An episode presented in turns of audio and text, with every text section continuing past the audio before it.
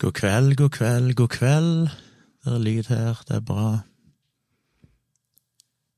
Jeg er tilbake i studioet mitt med litt eh, ny pynt, som dere ser, for å freshe det litt opp her. Velkommen til dere som er her og ser på i kveld. Klokka er rett over ti, onsdag 2. desember. Anomi er rask på pletten og skriver god kveld, følger med, men er bare halvveis med i chatten. I dag mekka jeg julegave.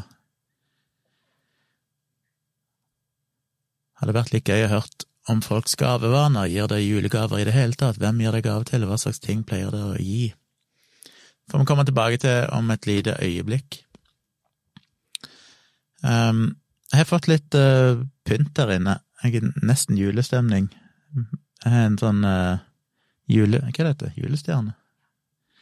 En julestjerne der, på min høyre side.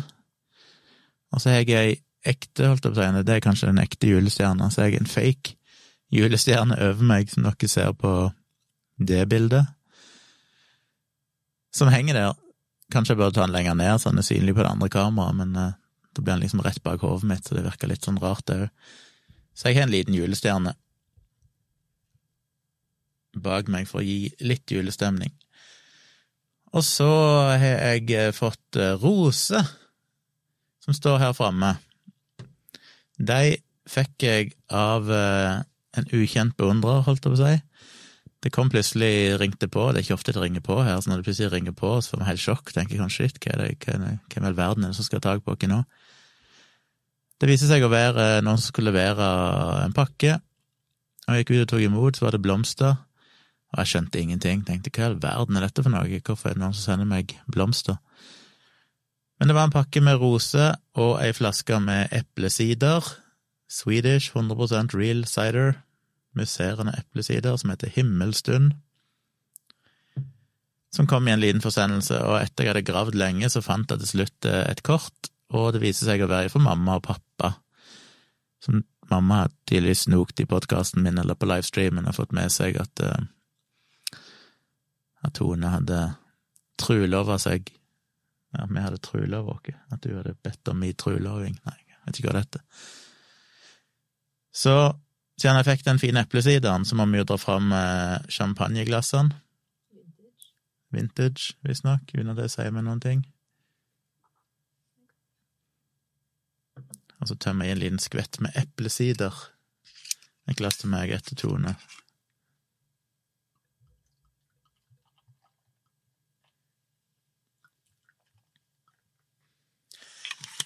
Jeg har tjuvsmakt på han, og han var velsmakende og god. Kom inn, Tone, og ta en skål i det kameraet. En skål for trulovinga. Den var veldig god, den der. Mm. Lenge siden jeg har drukket eplesider. Ja. Så det var dagens eh, lille begivenhet at jeg fikk eh, pakke blomster i posten. Fine roser. Spent på hvor lenge de lever. Jeg har så varierende erfaringer med roser. Hver gang jeg kjøpte roser til Tone, eh, litt sånn improvisert, bare på en jokerbutikk, noen billige roser, og de varte i evighet. De bare holdt seg og holdt seg og holdt seg. Men så har jeg òg kjøpt roser fra sånn skikkelig blomsterbutikk, litt mer forseggjort, og de visste at det er en dag. Så gudene vet for å se hvor lenge de her holder ut. Håper de var noen dager når jeg først har fått de. De var jo fine. Det er folk som kommer inn. God kveld, alle sammen. Mr. Fleinsopp og Kajas og Benedikte. Gamle Oslo spør er det greit om man spiser mens du streamer. Bruker munnbind, altså. For øvrig stadig god lyd. Gamle Oslo er veldig opptatt av lyden min. Jeg har glemt å skru på mine overlays. Sånn. Boom. Å nei, nå forsvant julestjerna. Må flytte på overlayen min. Kan ikke gjøre noe av at han eh, Hvor skal jeg plassere den? Plassere den her borte.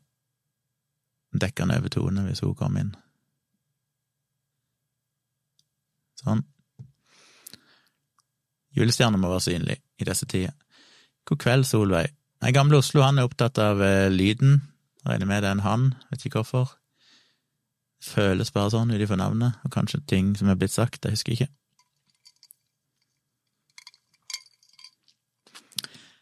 Eh, som jeg sa i går, så har jeg jo lansert en eh, Discord, hei Sindre, som fortsatt ikke er blitt sendt ut noen invitasjoner til. Den er fortsatt for patrons only. Hvis dere vil bli patron, så kan dere altså Nei, skal vi se Der! Å, oh, jeg tar på den. Bom, bom, bom. Der finner dere adressen til min Patrion, som jeg blir veldig glad hvis dere går inn og støtter. Og der finner dere jo både mine foredrag og lydbøker og podkastversjonen av denne livestreamen og andre ting. Um, hva hadde jeg begynt å si? Jo, Discord. Hvis du blir Patrion, så får du automatisk en uh, rolle inne på min Discord-server, og der går det an å chatte. Jeg oppretta litt forskjellige kanaler der inne, både for mine forskjellige prosjekter, alltid fra den YouTube-kanalen til Samboerprat, til Saksynt-bloggen, til Virkelig grusomt-podkasten. Og så er det òg egne kanaler for å diskutere musikk og podkaster og film og serier og alt mulig rart. Dette er en work in progress i aller høyeste grad, så vi får se hvor den er oppe hen. Men vi må etter hvert begynne få sendt ut noen invitasjoner, sånn at andre folk òg kan komme inn. Det er vel egentlig planen, selv om jeg ikke helt som sagt vet hvordan jeg skal bruke denne discorden min. Men det har vært litt aktiviteter nå blant patronene, og det syns jeg er kult. Og så må vi finne ut hvordan vi skal bruke det mer produktivt. Jeg hadde en liten passiar med Wasim Sahid på Twitter der han, sånn som jeg har sett eller han hinta om at vi måtte begynne, vi måtte lage en Hva han kalte det? En fototeknisk prat. Siden han er jo YouTuber og er glad i foto og ting og tang. Så sa jeg at han måtte gjerne delta i livestreamen min i kveld, og så svarte han for en time siden at han kunne gått det litt seinere i kveld. Så svarte jeg han og sa jeg begynte klokka ti. Men jeg har ikke fått noe svar. Hvis jeg får et svar underveis, så kan det være vi får en sånn spontan gjestebesøk av Wasim. Men eh, hvis ikke det blir i kveld, så blir det en annen kveld. For jeg har i hvert fall et mål om å få med litt folk framover, så jeg håper jeg kan få med Wasim til å snakke litt om YouTube og ting som han driver med, og som jeg driver med. Hei, Roy. Maria sier det var fint hos meg i kveld. Ja, det er blitt skikkelig pynta opp her for de som kom inn seint, til og med med julestjerne bak meg, som er ganske imponerende. Vi smaker litt mer på denne eplesideren.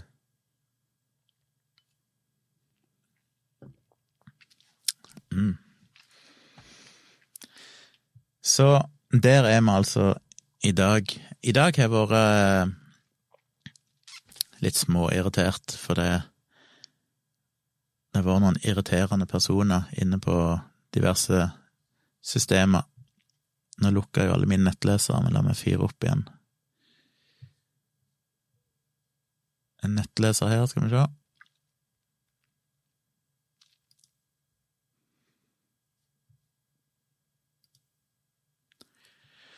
Det er det litt klassiske Gud bedre, altså. Deprimert bare om jeg bare var se på det.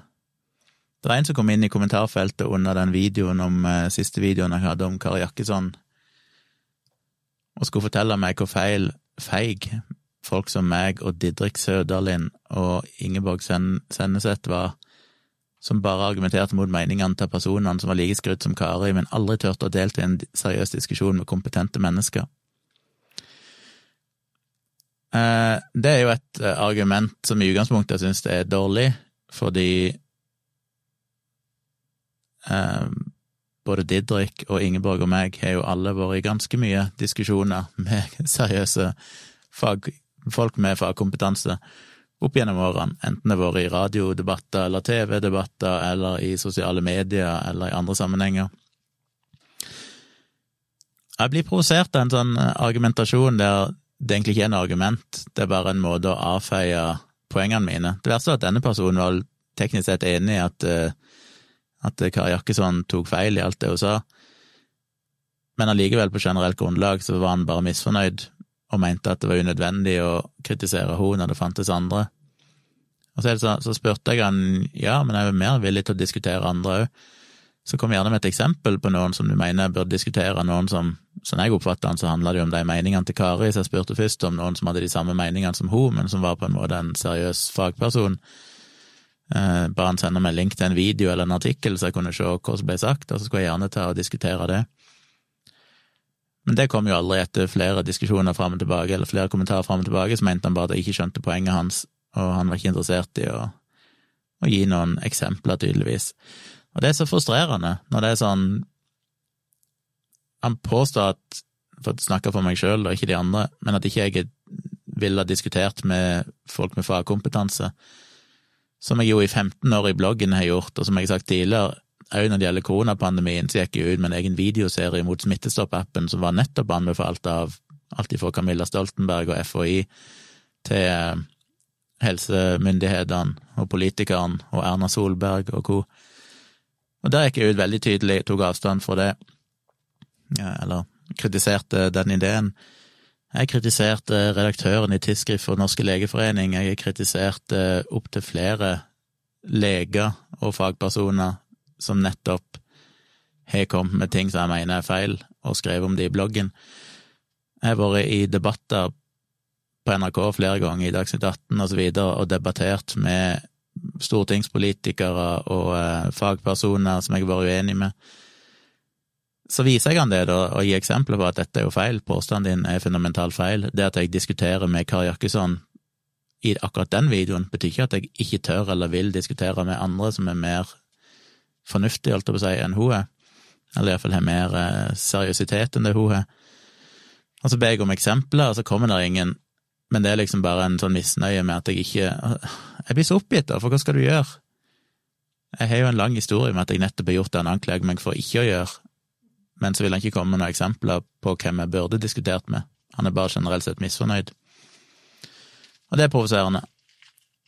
Og i tillegg så var det en inne på som sendte melding til Dialogisk og skulle fortelle dere hvor idiotiske vi var, som bare ikke turte å være kritiske til myndighetene, siden vi òg snakker om munnbind som om det virker, for jeg måtte jo skjønne det at et munnbind kunne jo umulig stoppe virus som er bare 0,1 mikrometer store. Og så svarte jeg han og sa at jeg skjønner at det er kanskje lite intuitivt, for det maskestørrelsen i disse munnbindene, og spesielt tøybind, er jo mye større enn 0,1 mikrometer. Men allikevel så stopper det virus på den størrelsen, og her er hvorfor, og så sendte jeg han en link som forklarte nettopp hvorfor allikevel disse maskene kan stoppe så små partikler, i tillegg til eh, noen studier som viste at eh, det ser ut til å virke.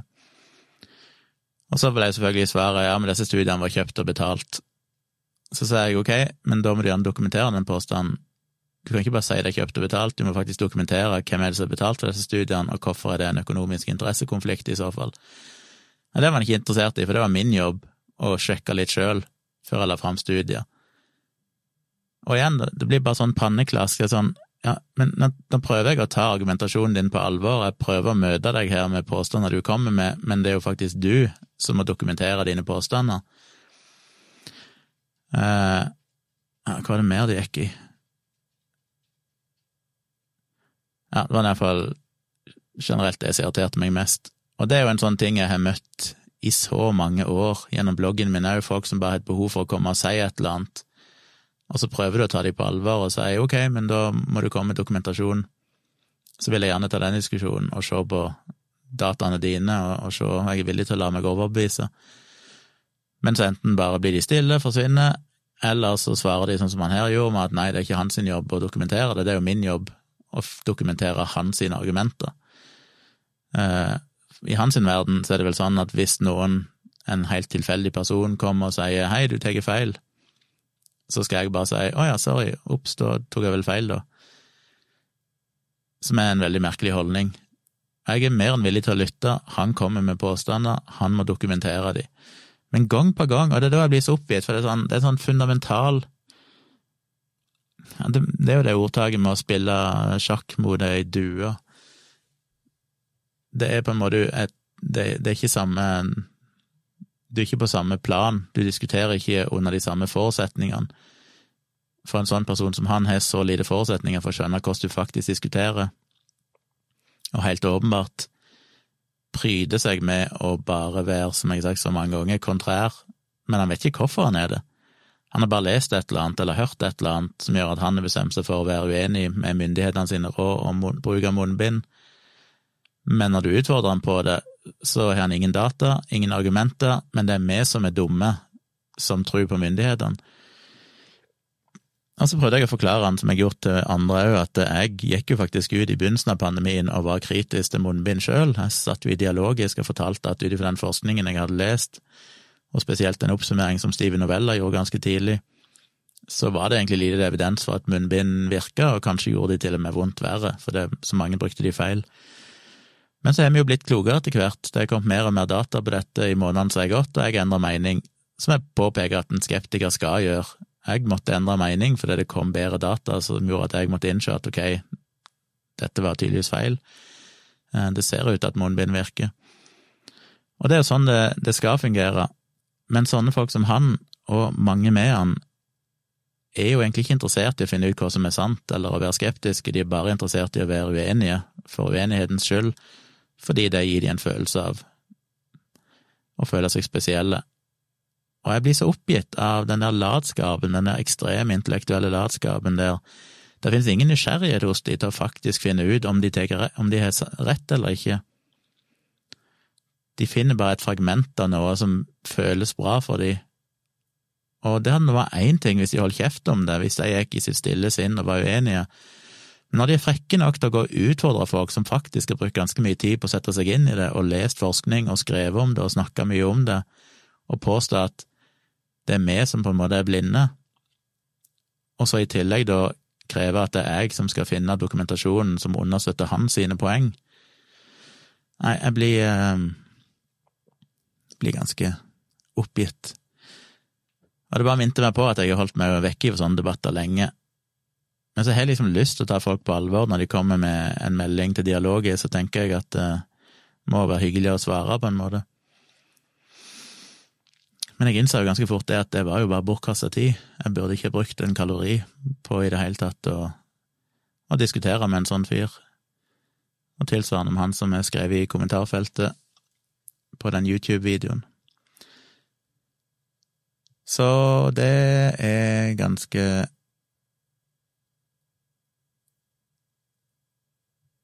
Så er det kommet en ny kommentar som jeg nesten må lese. Heia, Kari! ned med faktasjekkerne og sensurjegerne som vil ha diktaturtilstander i Norge. Møtte Kjomli så vidt en gang, han virket ekstremt kald og fjern. For en ynkelig gjeng disse folkene er, inkludert hans kompis Dag Sørås, som også har drevet med mobbing av Jakkesson. For noen kule folk de er, som er enig med alt Høyre i regjeringen gjør og mobber dissidentene. Fakta og tall funker ikke på folk som Kjomli og legen som nylig kom med sure oppstøt mot henne. Det er vel Wasim, da. Man kan vise hvor mye, mye, man vil til tall som viser hvor lav dødelighet den grusomme pesten har, men fakta er noe disse faktasjekkerne skal ha seg frabedt, så indoktrinerte og kunnskapsløse som de er.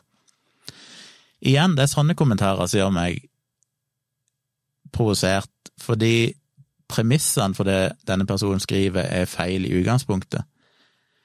Um, for det første, det at vi er enige med alt Høyre-regjeringen gjør, og mobber dissidentene.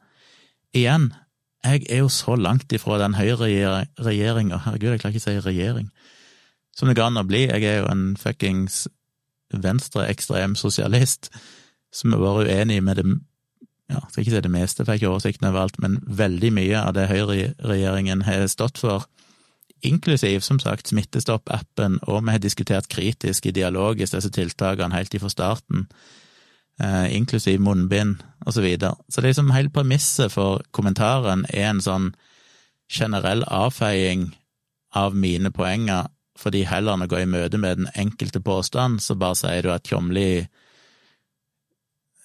gidder jeg ikke høre på, fordi sånn og sånn, og så er de tingene han argumenterer med, feil. Og så igjen, fakta og tall funker ikke på folk som Tjomli og legen som nylig kom med sure oppstøt mot henne. For det første vil jeg jo anta at Wasim Sahid har ganske så ekstremt mye mer kompetanse på dette feltet enn det denne fyren har. Um, Wasim har en ph.d., en doktorgrad i uh, et eller annet innenfor hjertekardiologi, og er overlege. Jeg tror nok han kan disse tingene litt bedre enn denne random kommentatoren. Men igjen, fakta og tall funker ikke. Vi forholder oss jo til de beste fakta og tall, med anbefalinger fra CDC og Folkehelseinstituttet og andre aktører som legger fram data og tall. Og noen av dataene er motstridende, alt er ikke like sikkert, men så langt så tyder jo mye på at eh, bevisbyrden peker i retning av at munnbind er fornuftig. Og det er det som er så provoserende, den ideen om at vi har kommet fram til den konklusjonen fordi vi har sittet på hendene og kikka i veggen og bare hørt at Erna Solberg eller Bent Høie sa et eller annet, og så var vi bare enige. Når hele poenget er at det er ikke noen ting av det jeg kom fram til som kommer som et, som et utgangspunkt ifra at det kommer fra høyreregjeringa, som jeg i utgangspunktet har veldig lyst til å være uenig med, fordi jeg er i prinsippet ikke på deres parti, men når de faktisk har rett i ting, så må jeg gi de rett i det. Og det er jo nettopp fordi vi har studert fakta og tall at vi kom fram til dette. Og så begynner han med å vise hvor lav dødelighet koronapandemien har, som igjen, som jeg snakket om i går, er totalt beside the point. Dette handler ikke om dødelighet al uh, alene. Og om du så bare så på den lave dødeligheten, så vet vi fortsatt at det ville vært en betydelig overdødelighet. Det er litt som å si at hvis det hadde vært ei bombe som sprengte i Oslo i morgen, som ville ta livet av 10 000 mennesker, skulle vi gjøre noe for å avverge den bomba, eller skulle vi si at ja, den bomba totalt sett vil jo gi veldig liten dødelighet i befolkningen, så la oss bare la den smelle. Og det er jo det vi snakker om her, vi snakker om kanskje 10 000 dødsfall hvis ikke vi hadde innført disse tiltakene, og det er nesten ti ganger så mye som det vi ser i en vanlig influensasesong, for eksempel. Så bare i absolutte tall så syns jeg det er en veldig rar ting å si, at dødeligheten er så lav at det ikke er noe å bry seg om. Men i tillegg så handler jo ikke dette bare om dødelighet, det handler jo om hvor mange som blir alvorlig syke, som er vesentlig mange flere enn av influensa, og dette med overbelasta sykehus og sånn, som vil ha enorme konsekvenser for andre pasienter og økonomi og alt mulig rart. Det er så mye greier med folk som eh, kan være konkrete og komme med en påstand som du i det minste kan diskutere, men når du bare kommer med en sånn rant som dette her i kommentarfeltet, der premisset for hver eneste påstand som kommer, er feil, fordi denne personen ikke har sjekka, men hevder at de på en måte bare per definisjon har mer kunnskap enn alle andre fagpersoner i universet, og at alle som da ikke automatisk er uenig med på en måte eliten, er av en eller annen grunn dumme. Nei, jeg blir eh, Jeg bør ikke bli provosert, men jeg blir provosert. La jeg gå opp igjen i chatten litt. Thomas skriver bonuspoints for roser i stedet for hodeskalle. Ja, du ser hodeskallen gjemmer seg så vidt her bak. Jeg prøvde å få den til å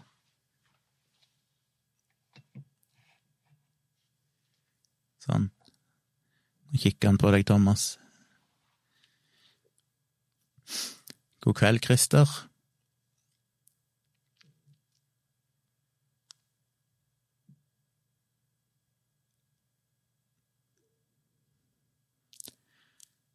Thomas skriver noen som så Helene sjekker inn på NRK1 i kveld. Episoden fikk meg til å, enda mer til å tenke på hvor på jordet Kajak og hvor er. Nei, den så jeg ikke.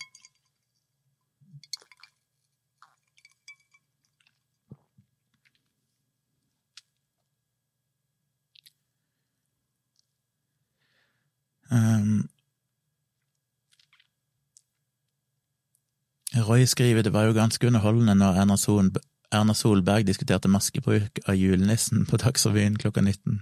Det fikk jeg ikke med meg.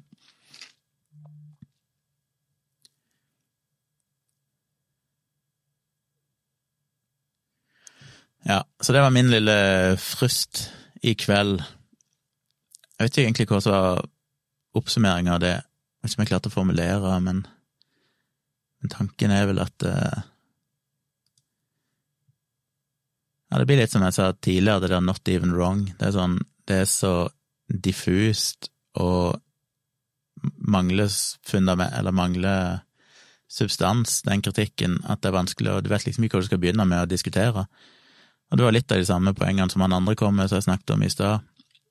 der jeg kunne gå og vise at eh, jo, jeg har jo faktisk flere ganger diskutert mot folk med brei fagkompetanse, eller solid fagkompetanse.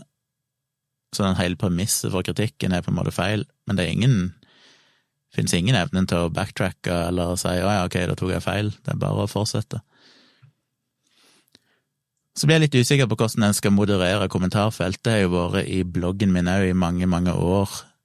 Fordi jeg har jo alltid tillatt eh, kritikk, og har knapt blokkert eller sletta noen ting som helst. Eh, det har vel primært vært hvis det er noen som har gått til grove personangrep på andre. Men sånn som her på YouTube, så har jeg valgt å være litt strengere. Og jeg sletter ikke kritikk i seg sjøl, men jeg sletter, har sletta et par kommentarer der noen kommer inn, og så bare påstår de noe som er totalt uvitenskapelig og rett og slett feil, men uten å argumentere for det på noe vis, uten å, å komme med noe solid dokumentasjon. Altså, det er folk som ikke er interessert i å, å ha en saklig debatt om det, de er bare her for å på en måte skape støy i kommentarfeltet ved å påstå noe helt idiotisk. Eh, eller går bare til rene personangrep på meg, men uten at det handler om noe faktamessig diskusjon. Og det handler ikke om at jeg ikke tåler den kritikken eller personangrep. I kommentarfeltet på bloggen så er det sikkert tusenvis av kommentarer med rene hets og, og personangrep på meg som får lov å stå. Men jeg har vel etter hvert kommet fram til at jeg er litt usikker på om det bør stå sånne ting, fordi hva, hva, hva hjelper det? Det tilfører ikke debatten noe. Det er jo bare støy i kommentarfeltet, og det kan gi inntrykk av at sånne ting er på en måte legitimt å komme med. Problemet er at det blir så mye støy hvis en fjerner det, da blir det så mye klaging, og folk vil hevde at du fjerner de av helt feil årsaker. Og så må man sitte og forsvare seg mot det, og så er det vanskelig å vite hva, hva skal en egentlig gjøre. Men jeg tror nok iallfall på YouTube her så kommer jeg til å være litt strengere og bare skjule kommentarer som jeg føler. Og igjen, det er ikke kommentarer som er uenig med meg, jeg er 100 for uenighet.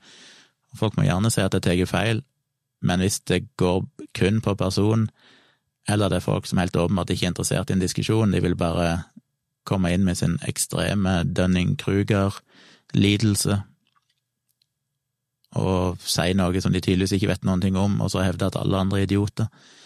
Det er ikke så veldig interessant.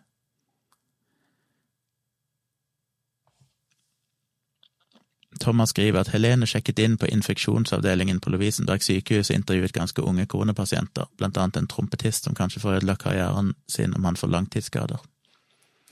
Så interessant, det har jeg lyst til å se seinere, regner med det blir liggende på, på nett-TV ei stund. For det er veldig interessant, det er jo Må jeg få med meg Anomi sier jeg synes ikke at det er en dum idé å skru av kommentarfelt der man kan, sjelden det kommer noe konstruktivt ut av kommentarfelt.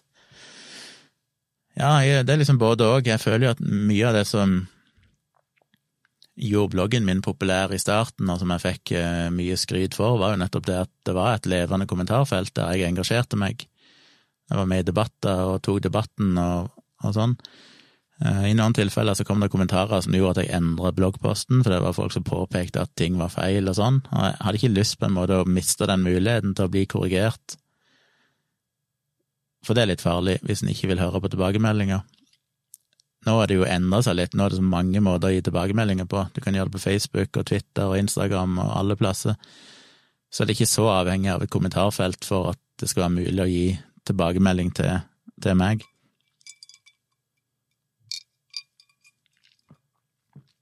Men eh, jeg vet jo det var noe, det er noen år siden nå, men det var jo eh, ganske mange nettsteder i Norge, er jo de fleste aviser vel endt opp med å deaktivere kommentarfelt og sånn, fordi det koster jo altfor mye i ressurser å betale folk for å sitte og moderere 24-7.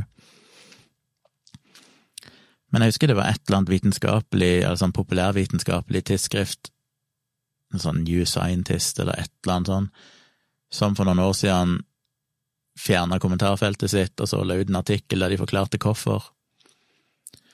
Eh, og da var det vel òg henvisning til noen studier som viste nettopp det, at med kommentarfelt der folk fikk lov å legge ut uvitenskapelig og helt feilaktig informasjon, så var det gjort noe forskning på hva det folk satt igjen med etter å lese sånne artikler. Så hvis du hadde en vitenskapelig artikkel, tilsvarende forskning.no eller sånt, som sa et eller annet budskap, og så har du et åpent kommentarfelt, og så sitter folk og poster masse piss som er helt motsatt, eh, basert på dårlig forskning eller ingen forskning, så satt folk ofte igjen etter å ha lest det med enten en idé om at artikkelen er feil, eh, eller de bare er forvirra og ikke egentlig vet hva som er sant lenger, sjøl om da du kan ikke sammenligne de to tingene. Artikkelen er jo faktisk basert på forskning og god vitenskap, mens kommentarfeltet ikke er det. Men det vet jo folk flest ikke. De er ikke i stand til å skylde god forskning for dårlig forskning. Og når de ser da folk sitter og poster i kommentarfeltet masse linker til obskure nettsteder og, dårlige studier, så, så, blir de usikre. Så de konkluderte jo med at uh, de trodde det ville gjøre verden en tjeneste, på en måte, og heller skru av kommentarfeltet, for det økte ikke folk sin forståelse for et tema. Det er jo ikke det at de var motstandere av kritikk eller motstandere av en, av en åpen debatt om disse tingene, men det er så sjelden at de tilbakemeldingene er konstruktive eller er basert på vitenskap etter den samme standarden som det en trenger i en reell vitenskapelig debatt. Og det minner meg veldig om de videoene jeg har lagt ut om 5G og mobilstråling, der deres argument til disse 5G-hysterikerne har jo vært at all forskning er viktig, har du 1000 studier som viser at 5G eh, er trygt, men det kommer én studie som viser at det kan være farlig i en eller annen sammenheng, så er det klart at den studien vil snu alle de andre, for det er jo evidens på det som er farlig, som er viktig. Og det kan høres fornuftig ut, og i prinsippet så er det jo sant at eh, det er ikke sånn at fordi en har 1000 studier som sier det motsatte, så kan ikke én studie endre på det.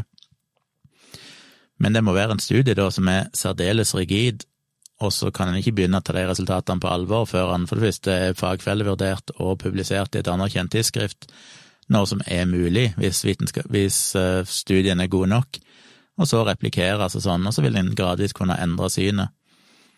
Men de har jo en idé om at hvis det finnes en studie der ute som sier noe annet enn det vitenskapelig konsensus sier, så er den studien mer verdt enn fundamentet til vitenskapelig konsensus, og så glemmer de at vitenskapelig konsensus i den grad jeg kan bruke det begrepet, men den rådende vitenskapelige oppfatningen er jo i alle de tilfellene basert på mengden av forskning der alle disse studiene allerede er tatt hensyn til.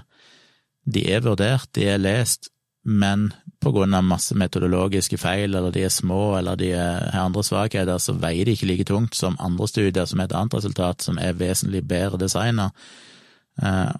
Og som er i tråd med andre studier som har undersøkt det samme, og så videre. Og det er det som er frustrerende i sånne debatter, at det, de havarerer ofte på at det er en sånn enorm manglende forståelse for hvordan vitenskap fungerer i den andre sida av debatten.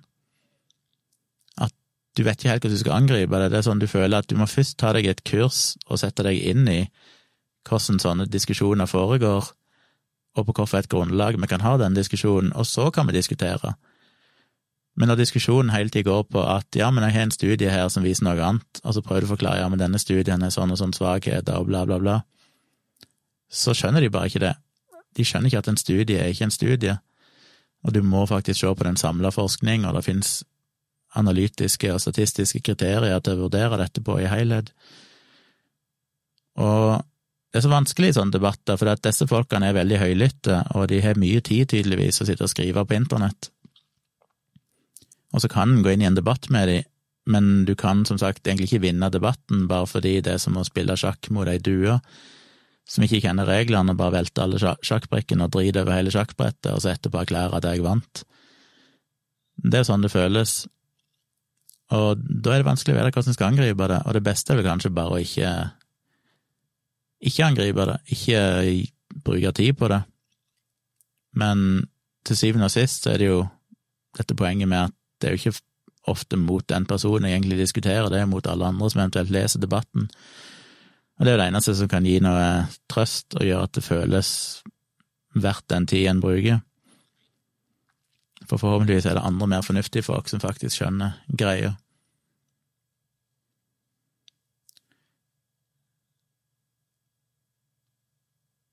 Uh, uh, uh,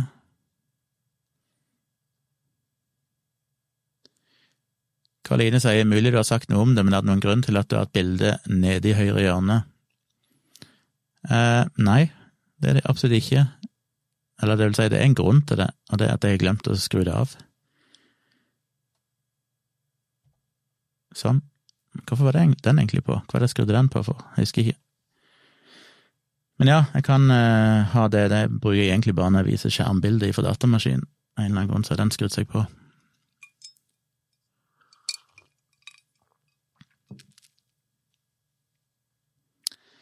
Karoline, et spørsmål til deg, Tone. Hvordan går du fram for å klippe meg?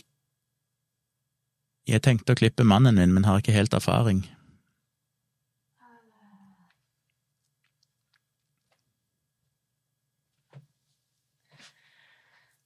Ja, ok. Eh, det kommer jo an på sveisen, da. Eh, så det er jo ikke bare bare. Men jeg vet jo at eh, Gunnar liker at det er litt sånn kort, kort på siden, og så liker han å ha litt sånn langt på toppen. Så det jeg pleier å gjøre, er bare at vi har en sånn hårmaskin, sånn klippemaskin, som jeg setter inn på sånn ganske kort, og så tar jeg på en måte alt på siden her.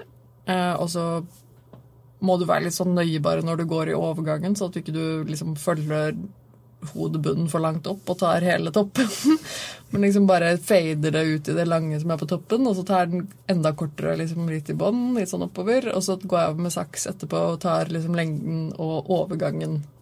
Så at alt blir liksom like langt og Eller sånn alt, alle overgangene er liksom like lange. Um, var det logisk? Hørtes det logisk ut? Ja, det gjorde det.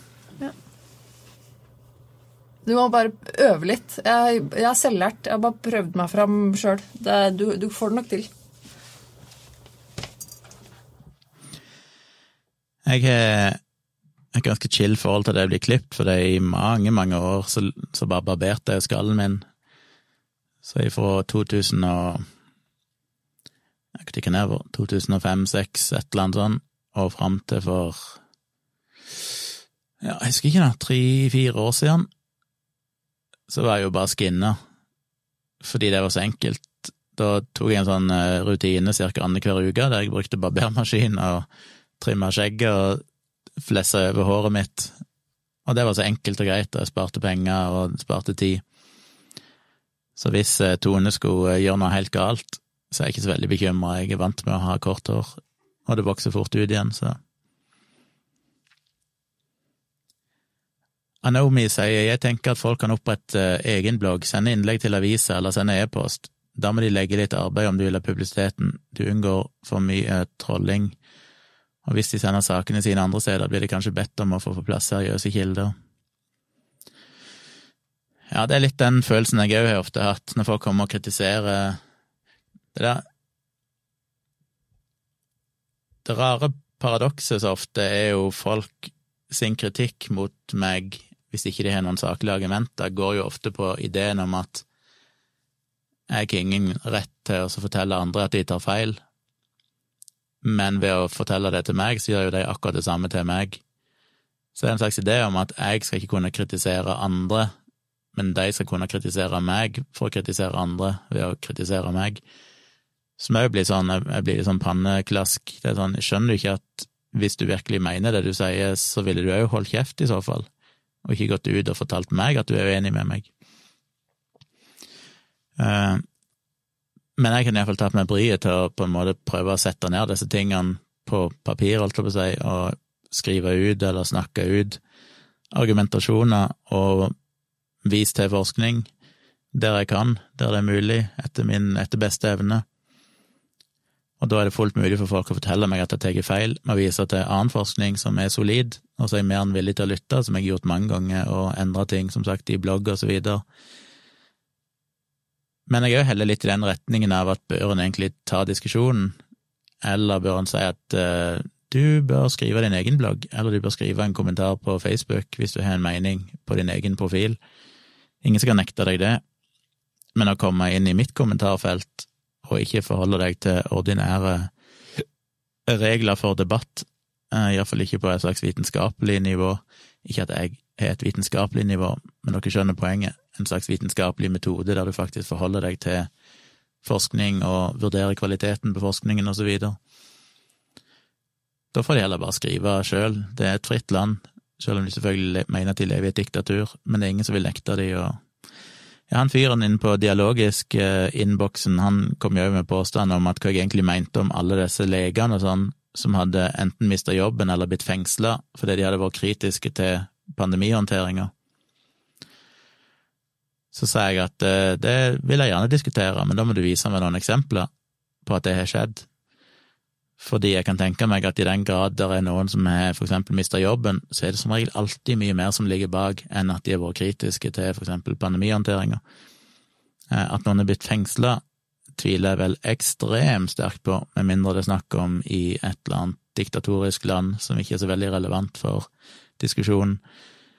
Eh, men igjen så var det sånn at nei, han, det var min jobb å finne kildene på det, han bare sa at sånn var det, og hvis ikke jeg ville finne kildene, så var ikke jeg villig til å prøve å se ting fra den andre sida. Som igjen er bare sånn, jeg får lyst til å klore ut øynene mine av ren frustrasjon.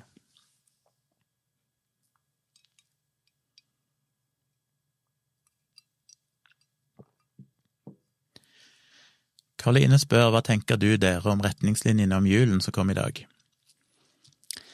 Jeg ble litt letta når jeg så de, bare fordi at da følte jeg meg iallfall trygg på at det var nok riktig å avlyse familiejul som vi hadde tenkt å gjøre. Um, for som dere vel har fått med dere, så var jo planen at mine foreldre, som er ganske gamle, skulle komme her i jula. De bor jo på Sørlandet. Men vi valgte å kansellere det for en stund siden, for vi så vel hvor det bar. Og nå, ifølge de nye reglene, så er det sånn ja, teknisk sett så kunne vi hatt de, fordi vi ville vært Én, to, tre, det vil vel være akkurat fem, eller kanskje seks, og to dager kan du ha ti, men du skal holde deg én meter ifra hverandre, og så var det to meter i noen omstendigheter, var det hvis du var i et, i et område Hva var det? Hva var det så grunnlaget for to meter, det husker jeg ikke, men jeg mener at det var relevant for oss, og det er bare sånn, det er jo teknisk umulig i denne leiligheten, eh, det vil være mulig å gjennomføre, du må bo i et relativt stort hus hvis du skal kunne gjennomføre en julefeiring der alle skal kunne sitte med minst en meters mellomrom. Så det ville vært særdeles utrivelig og vanskelig å praktisere, og da tenker jeg at eh, da var det på en måte litt sånn case closed. Da skjønner vi jo at det ville ikke vært mulig for mine foreldre å komme og gjennomført det på noen praktisk måte hvis vi skulle ha forholdt dere til de nye retningslinjene.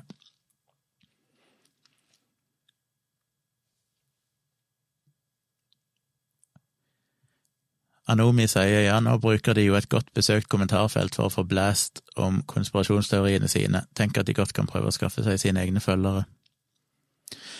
Ja, jeg er litt flau av meg sjøl, for av og til så føler jeg det er jo sikkert litt feighet, at jeg ikke jeg er ikke så glad i å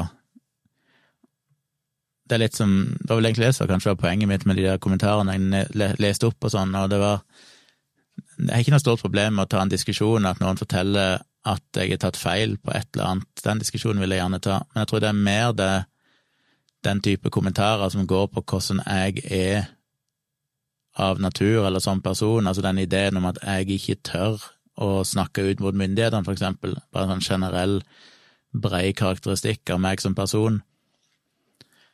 Jeg tror det er sånne ting som frustrerer meg mest, for dette er sånn, hvordan kan du diskutere det?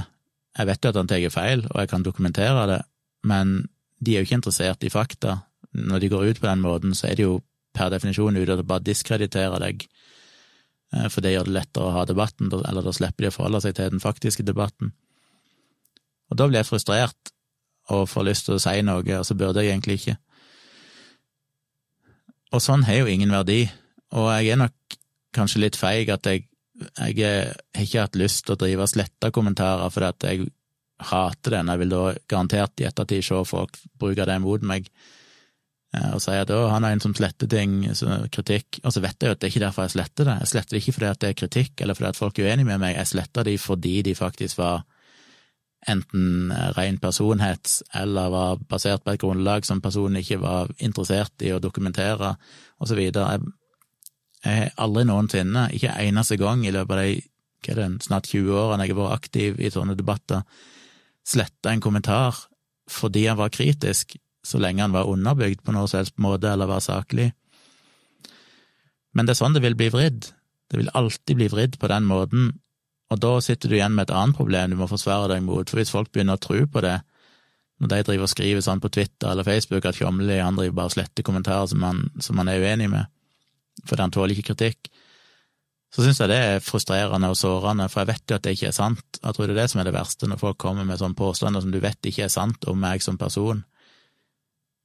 Og da er det sånn, hvis du lar deg, den kritikken eller de usaklige kommentarene stå, så må du leve med det, og sletter du de, så må du òg leve med det, bare på en annen måte.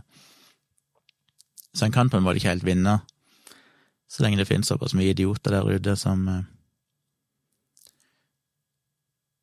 som ikke er i stand til å forstå, som sagt, hvordan en faktisk skal diskutere ting. Men jeg er litt nysgjerrig hvis noen av dere vet hvordan andre håndterer det. Ble plutselig nysgjerrig på hvordan sånne folk som Cosmic Skeptic og eh, Rationality Rules og de her youtuberne og sånn. Hvis noen av dere har sett de uttale seg om det i en video eller noe sånt, så skulle jeg gjerne likt å se det, for jeg blir nysgjerrig på om de er sånn som bare ignorerer det, eller om de sletter det, eller om de gidder å forholde seg til det. Det er jeg spent på. Så tips meg gjerne hvis dere vet om noe sånt.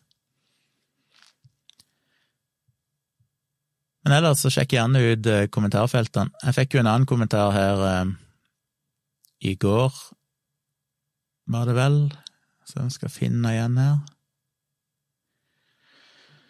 Det var til samboerprat nummer tre, som kom for noen uker siden der meg og Tone hadde en åpen samboerprat, og så var temaet dette med åpent forhold, blant annet.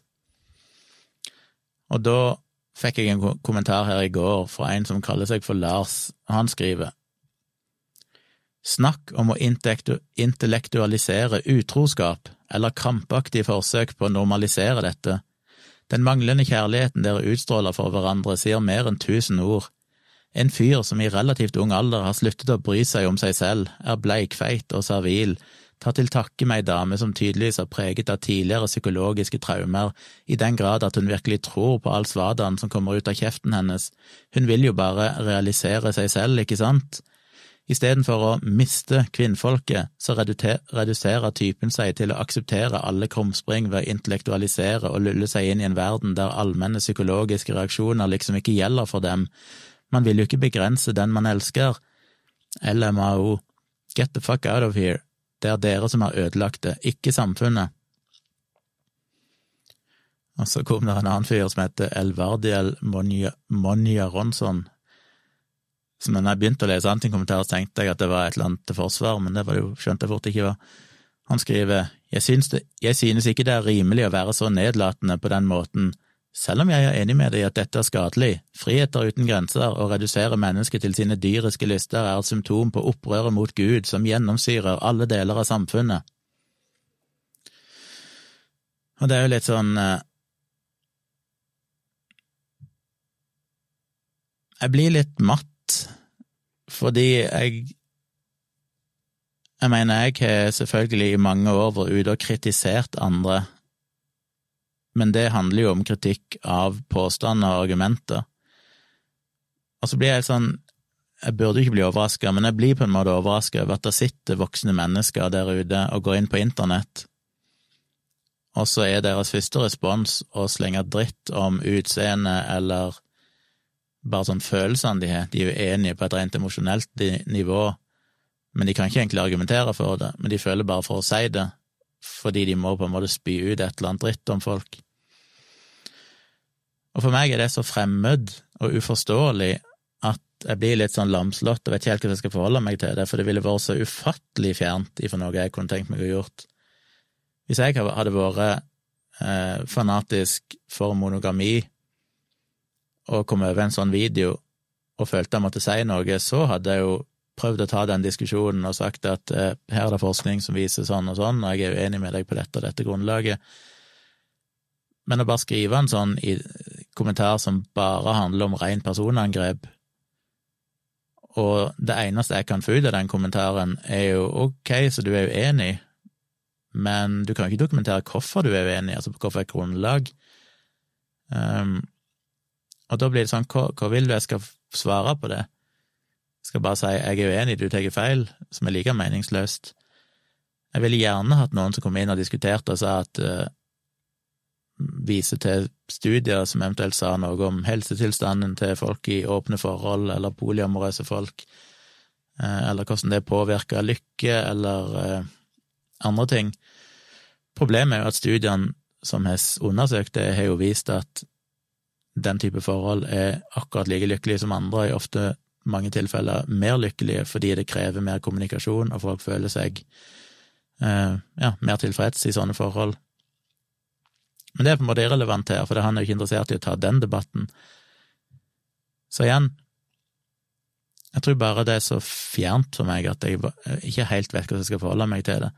Og jeg blir så skuffa da når folk på en måte likestiller den måten jeg kritiserer Kari Jakkesson, som er, som jeg har sagt tidligere, et forsøk på å ta argumentene hennes på alvor, og så diskutere argumentene og si hva jeg mener om dem og folk som da går ut og bare skriver dritt om andre, og så blir jeg kritisert, eller Wasim blir kritisert fordi vi går ut og mobber folk, som er sånn Det er jo som regel de som er på Kari sitt parti, eller som er uenig med meg, som er de som mobber, for de kommer jo bare med personangrep og et eller annet helt ubegrunna svada. Det jeg driver med, eller Wasim eller Ingeborg, er jo så langt ifra mobbing som du kan komme, det er jo å ta folk på alvor, møte argumentene deres og prøve å sette seg inn i saken nok til at du kan komme med eh, rasjonelle motargumenter. Det betyr jo ikke at vi har rett på noen som helst måte, men det betyr at vi har gått inn i debatten på et saklig nivå, der det faktisk går an å ha en debatt.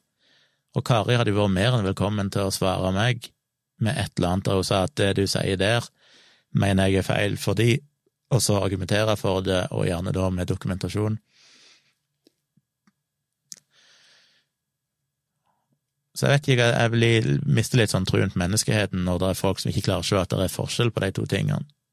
At de kunne sett den kommentaren fra Lars eller de andre jeg har nevnt tidligere nå, og så føle at, at eh, det, det, er på den måten vi driver på. For jeg mener jo det er så langt ifra på den måten jeg og andre skeptikere holder på.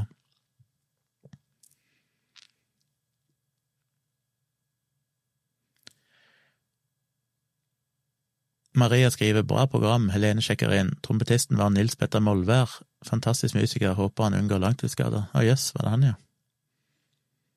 Ja, jeg har ikke hørt noe om det, jeg følte jeg leste noe om det tidligere i år, at han hadde fått Ja, jeg har lest noe tidligere om at han hadde fått korona. Han er jo en av Norges store. Anomi sier jeg hadde litt samme problem da hele sidene gikk bananas på meg etter en status om 22. juli. Da ble det masse hets. Jeg endte opp med å slette all hets som ble retta mot andre enn meg, men lot resten stå. I etterkant tenker jeg at jeg bare burde vært mye mer aktiv med å slette nesten hver eneste kommentar de kom med. Ja, og det er jo det dilemmaet jeg òg sliter med, jeg vet ikke helt hva som er riktig å gjøre. Som sagt, det er nok egentlig til det beste for alle at en sletter de, men da må en leve med at eh, det vil bli brukt mot deg på en veldig usaklig måte i framtida, som er jo slitsom.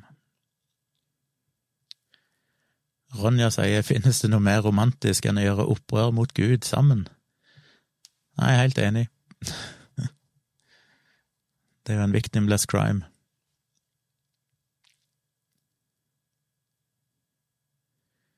Roy skriver du skulle kanskje sett, hørt diskusjonen mellom Joe Rogan og Lex Friedman angående kommentarfelt sist Lex Friedman var på Rogan. Ja, det kan jeg kanskje ta en kikk på. AD100 skriver så fint du har fått i studio, har Tone vært innom? Nei, jeg sa litt om det helt i starten av streamen. Jeg kjøpte meg julestjerne, som faktisk var på mitt eget initiativ. Imponerende nok.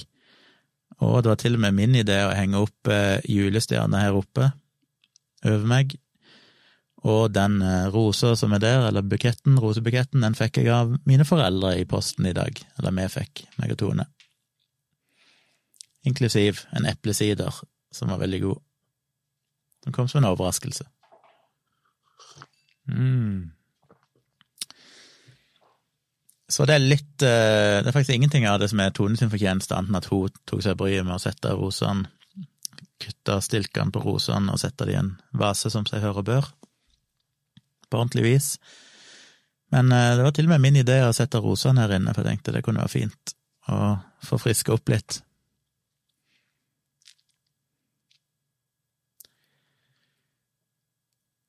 Thomas skriver fy søren så mye dritt du og Tone har mottatt, da. Vel, her er det aller flest venner, da.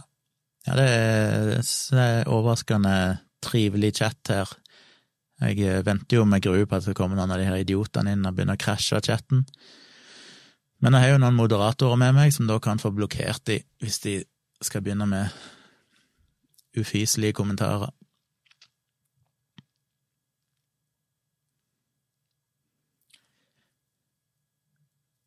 Anomi skriver ja, samtidig tror jeg ikke du skal bry deg så mye om akkurat denne gjengen og menigheten deres, synes som at du sletter kommentarene.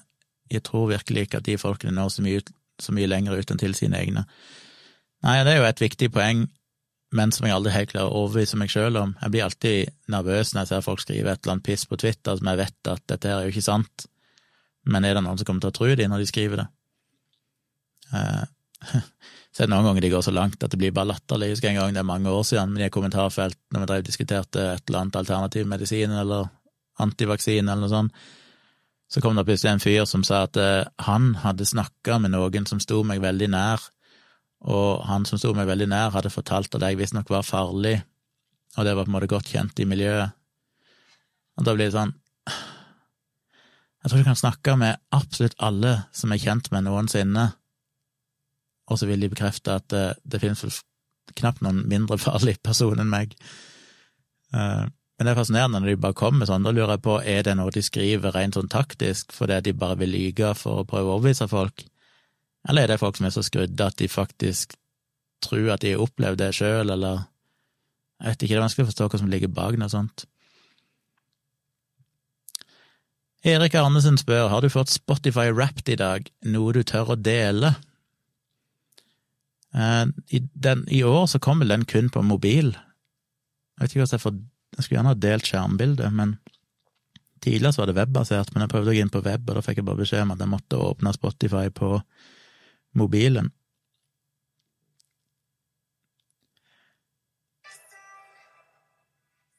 Nå skal ha lyden her så ikke jeg blir stoppa av eh, Content ID.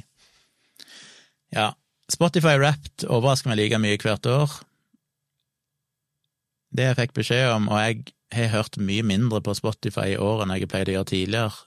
Jeg har hatt eh, lange perioder på kontoret tidligere år der jeg bare sitter og hører på musikk hele tida. Og som jeg har sagt, nevnt tidligere, så er den musikken jeg hører på Spotify ofte ganske lite representativ for min musikksmak, fordi jeg setter ofte bare på en playlist eller det der eh, release radar eller sånne ting, der Spotify sjøl bare velger ut musikk og ofte vet jeg ikke hva det er. Så er det av og til jeg liker sanger, så, så legger jeg de på en playlist, men jeg vet ikke engang hva det er, jeg har aldri fått med meg hvilken artist det er, jeg bare syns den er bra, så jeg legger den til på lista mi over sanger jeg liker, og så spiller jeg den lista mye. Men jeg har hørt lite på Spotify i år etter jeg flytta inn her, og har stort sett hatt hjemmekontor. Da har det ikke blitt eh, helt det samme. Så jeg tror ikke jeg er så imponerende tall men eh, Spotify Wrapped kan fortelle meg at jeg oppdaga 224 nye artister i år. Det er jo ganske bra, er det ikke det? Og det bekrefter jo egentlig litt av det jeg sa, at jeg hører på mye random playlister som jeg egentlig ikke vet hva er, og sjelden på album, for eksempel. Men 224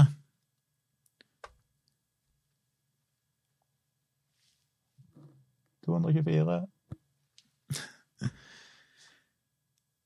Og så Nei, skal vi se, kommer det noe mer her? Jeg hørte på 272 sjangere i år, inklusiv 92 nye sjangere som jeg tydeligvis ikke har hørt på før. Men så jeg blir litt overraska. Mine toppsjangere var, og dette høres jo litt kleint ut, én dancepop, to Norwegian pop, tre soft rock, fire Swedish pop, fem contemporary jazz.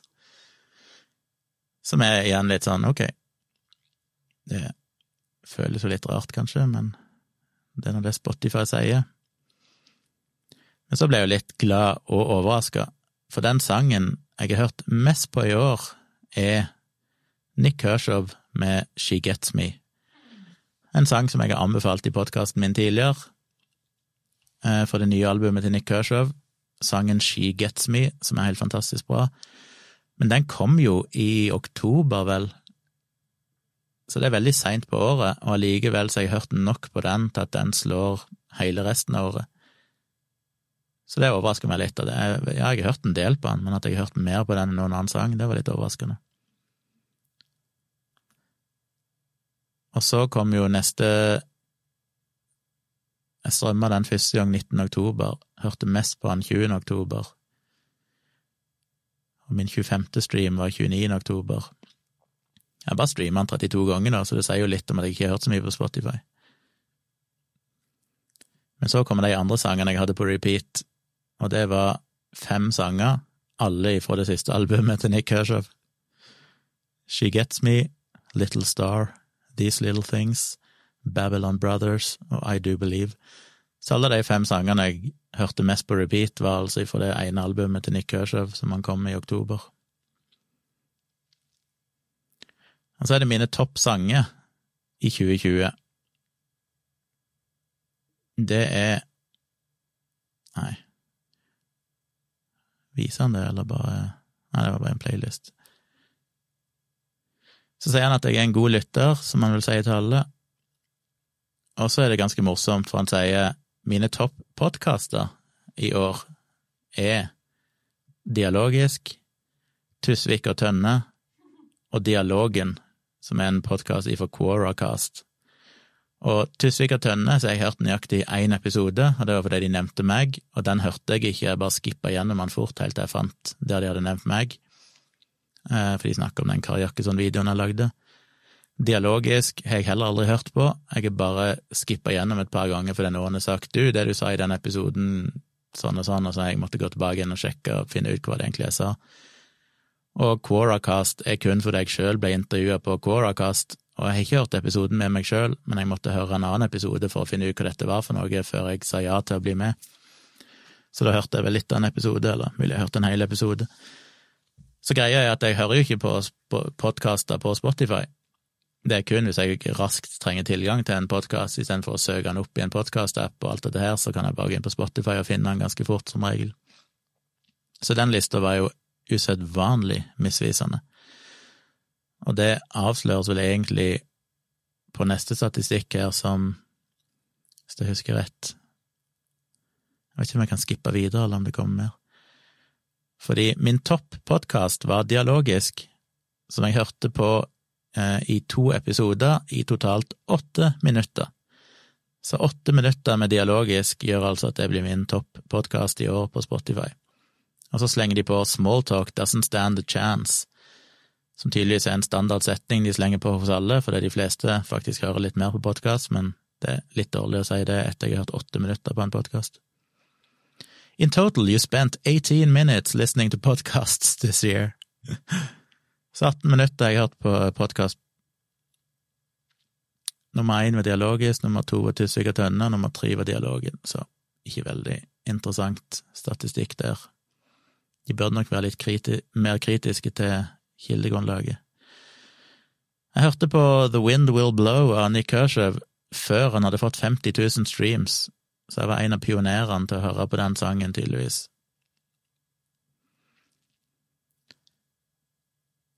Og så var det litt interessant, da, fordi så kommer det et spørsmål om hvilket uh, tiår, sammenlignet med andre lyttere, er det jeg har spilt mest, og får da valget mellom 70-tallet, 80-tallet, 90-tallet eller 2000-tallet. Og jeg tippa 2000-tallet, men svaret var altså 80-tallet. Så det tror jeg rett og slett ikke stemmer, og jeg lurer litt på hvor Spotify har statistikken sin fra, for det at han sier at uh, den sangen jeg hørte mest på fra 80-tallet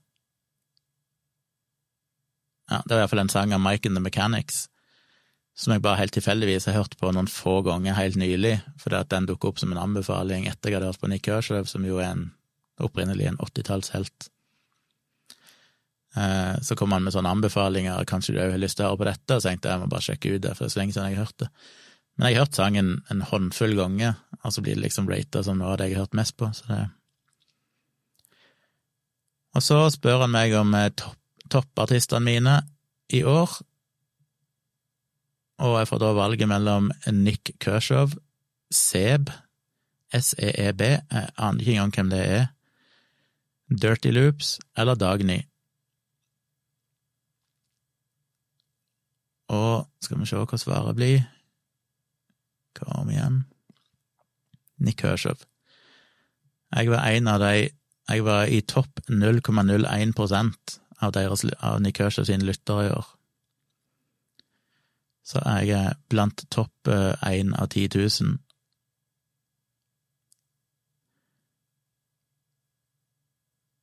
Jeg brukte 2000, 2038 minutter på å høre på Nick Kershaw. Det høres jo helt dramatisk ut. Hva er det? Kan det stemme? Jeg tror jeg må ha gått ifra maskinen her på repeat eller et eller annet, for det er 2038 minutter Det er jo 2038 Det er jo nesten 34 timer. Jeg har hørt 34 timer på Kershaw fra oktober og fram til i dag. Eh, ja, ja. Jeg overrasker meg sjøl. Jeg hørte på 705 forskjellige artister i år. Nick Kershaw var nummer én, Dagny var nummer to. Dirty Loops var nummer tre, det er ikke så overraskende. Litt overraskende over at Dagny kom som nummer to. Ja, jeg har hørt litt på Dagny, men det er ikke så mye. Hm. Seb, eller hvordan det uttales, som nummer fire, og jeg vet ikke engang hvem det er. Så det må være en eller annen sang på en eller annen playlist som jeg tydeligvis har hørt veldig mye på. Og nummer fem er Helen Sjøholm, som òg overrasker meg, for jeg hørte mye på henne for et par år siden, muligens i fjor, og det er kun ett album av henne jeg har hørt, og det var min bror som tipsa meg om at hun hadde spilt inn et svensk album med svenske tolkninger av Billy Joel-sanger, som faktisk er veldig bra i litt sånn småjazza, visesangaktig tradisjon. Og jeg syntes det var gøy å høre alle de der gamle Billy Joel-klassikerne tolka på svensk, så jeg fikk litt dilla på det albumet, så jeg hørte mye på det, men jeg trodde ikke jeg hadde hørt noe særlig på det i 2020. Men tydeligvis det jeg har hørt femt mest på på Spotify. Men det er altså Nick Kershaw som er den store helten.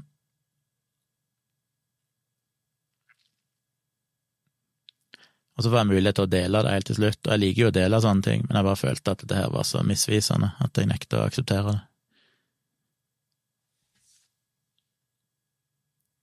Og totalt så hadde jeg hørt 11 272 minutter.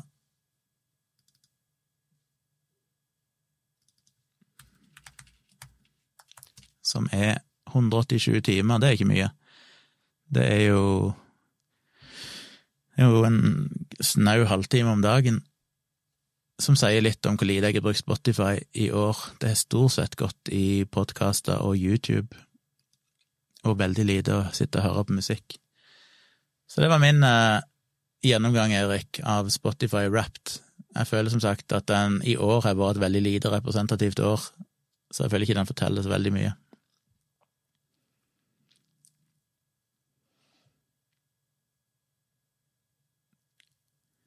Karoline spør har dere julekalender.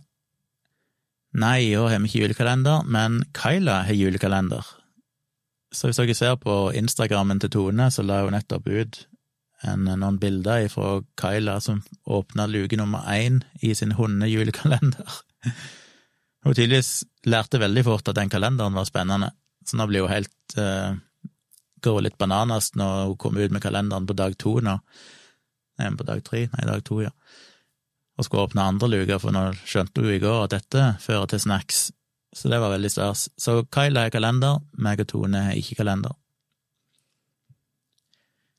Sindre skriver alltid kos med Wrapped, skremmende å se hvor mye tid som går på podkaster. Ja, hadde jeg hørt podkaster på Spotify, så hadde jeg jo fått litt mer interessante data. Eller interessante interessante, jeg hører jo stort sett bare på fem-seks podkaster, så det blir ikke så veldig overraske, mye overraskelse.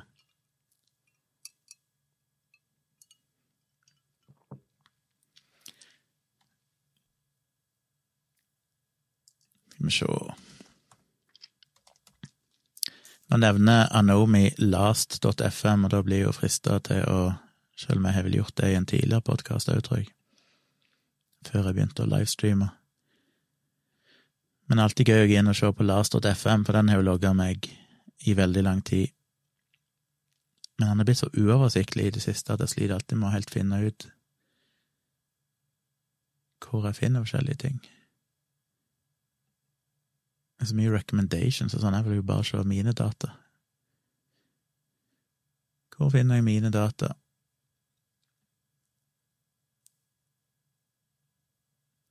Lars.fm er nok mer pålitelig, for den har jo faktisk logga meg siden Når begynte jeg?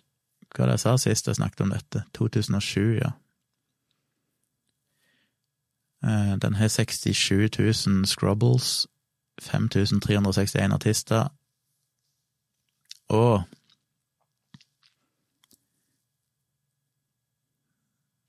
Er det på report jeg må gå for å se hva som er topp? Så tar jeg last year. Nei, det var 2019. Hvordan får jeg dette året? Det får jeg tydeligvis ikke ennå, før det er ferdig. Hvis jeg ser på fjoråret for moro skyld, så hørte jeg på 965 artister, 1311 album, 1535 tracks. Og det som vant på topp artist i 2019, det var Snarky Puppy. Og så ser du at Helen Sjøholm var det albumet jeg hørte mest på. Og så var det Snarky Puppy, Bad, Kick, Bad Kids to the Back, som var mitt favoritt-track.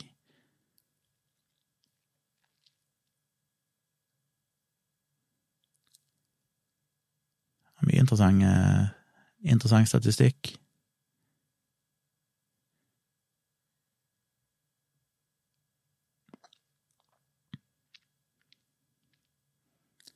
Ifølge last.fm så er mitt mainstream-o-meter på 57 så jeg er 57% mainstream i musikksmaken min. Det mest mainstream jeg hørte på i 2019, det var Billie Eilish. Du er visst 100 mainstream hvis du hører på henne. Og det mest obskure jeg hørte på, det var Tiny Turbine, som er 0 mainstream, som jeg hørte på én gang. Aner ikke hva det er for noe. Det jeg hadde på repeat, var Snarky Puppy og ja, Snarky Puppy og Megan Trainer, Badass Woman, som jeg hørte fire ganger på en dag. Hvorfor gjorde jeg det, tror jeg? Gudene vet. Men hvis jeg ser på forrige måned, da, for å se om den er mer representativ, så hørte jeg mest på Nick Kershaw, mest på albumet til Nick Kershaw, og mest på en sang av Nick Kershaw. Så både artist, album og sang var Nick Kershaw. Jeg oppdaga Paul Young og Spandau Ballet. Det var fordi jeg gikk i en liten sånn åttitallsmimring, som sagt, siden Mike in the Mechanics kom opp. Og leser jo at jeg plutselig hørte mest på åttitallet. For jeg gikk på en liten uh, tur down memory lane og hørte på mine ungdoms Ti i skuddet-sanger. Og så hørte jeg faktisk litt på Tears for Fears igjen, som det er lenge siden jeg har hørt på, men albumet The Seeds of Love er jo fantastisk. Woman in Chains, for eksempel, er jo bare helt genial. På Woman in Chains så er det vel fagarten meg, om jeg googler så ikke sier noe feil, men ikke det er Phil Collins som spiller tromme på den.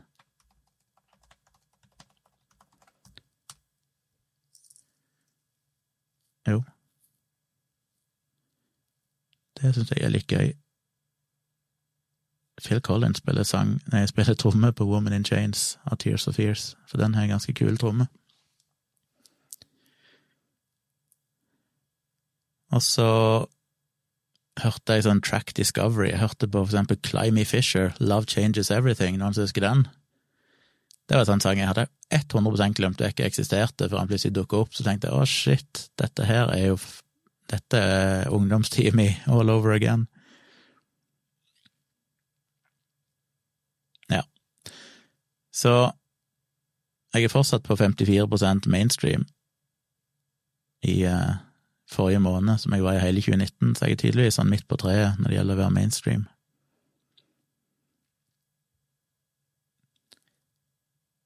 Forrige uke var jeg 59% mainstream, så jeg var litt mer mainstream forrige uke.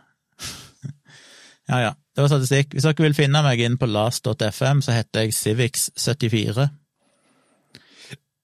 Uten noe strek eller noen ting. Det er bare Civics74. Dere kan jo befriende meg inne på last.fm hvis dere er der. Ikke at jeg noen gang er inne på den tida, så det er ikke så mye for seg å befriende meg, men hvis dere bruker den sjøl og vil følge med på hva jeg hører på, så er det mulig.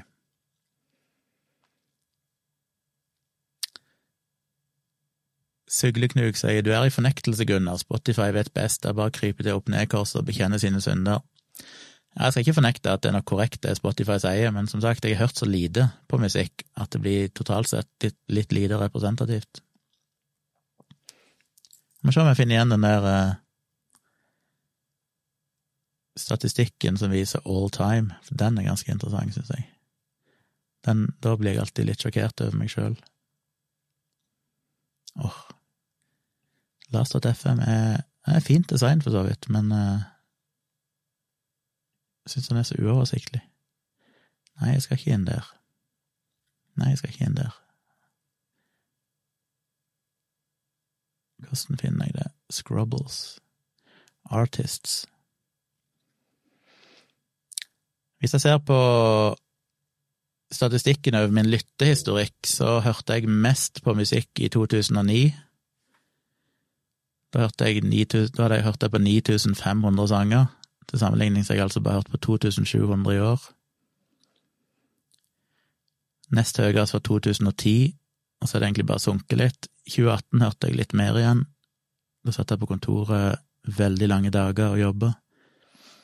Men av de 5361 artistene jeg har hørt, hørt, på i løpet av de 13 årene som er gått, så kan dere jo tippe hvem som er nummer én.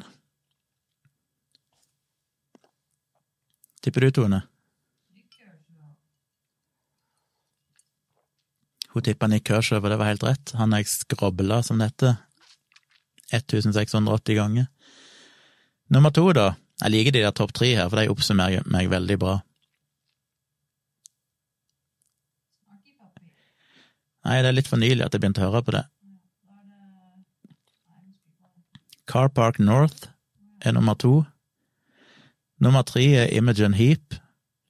Og alle de tre kan jeg stå veldig inne for. De føler jeg er liksom Hvis jeg skal rangere mine topp tre artister, så Ikke nødvendigvis Ja, det vil ikke være feil å ha sagt de tre, selv om det går ikke an å redusere det til tre, for det er altfor mange jeg liker omtrent like godt. Nummer fire er Erik Truffas, som er en fransk eh, jazztrompetist. Han hørte jeg veldig mye på en periode. Nummer fem er Fink, som er litt overraskende. Jeg digger Fink, men jeg har hørt på relativt lite av det han har gitt ut. Men hvis ikke dere sjekker ut Fink, så vil jeg anbefale det. Han var vel en eh, britisk dude som opprinnelig drev med elektronika, et eller annet eh, greie, og så gikk han jo helt over til en sånn kassegitar-visesang. Ikke visesang akkurat, men singer-songwriter-type musikk. Nummer seks er jo litt morsom, og det er Natasha Beddingfield. og det er primært fordi at jeg var forelska i for ti år siden. Hørte vel på det, og så begynte jeg å høre på det, og så hadde jeg kjærlighetssorg og greier i lang tid. Så jeg endte opp med å høre mye på henne. Nummer sju er Peter Chincotti, som jeg òg syns er kul, men det er lenge siden jeg har hørt på han. En amerikansk eh, jazz-pop-artist, om jeg kan kalle det det. Pianist. Veldig dyktig på piano. Nummer åtte er a-ha.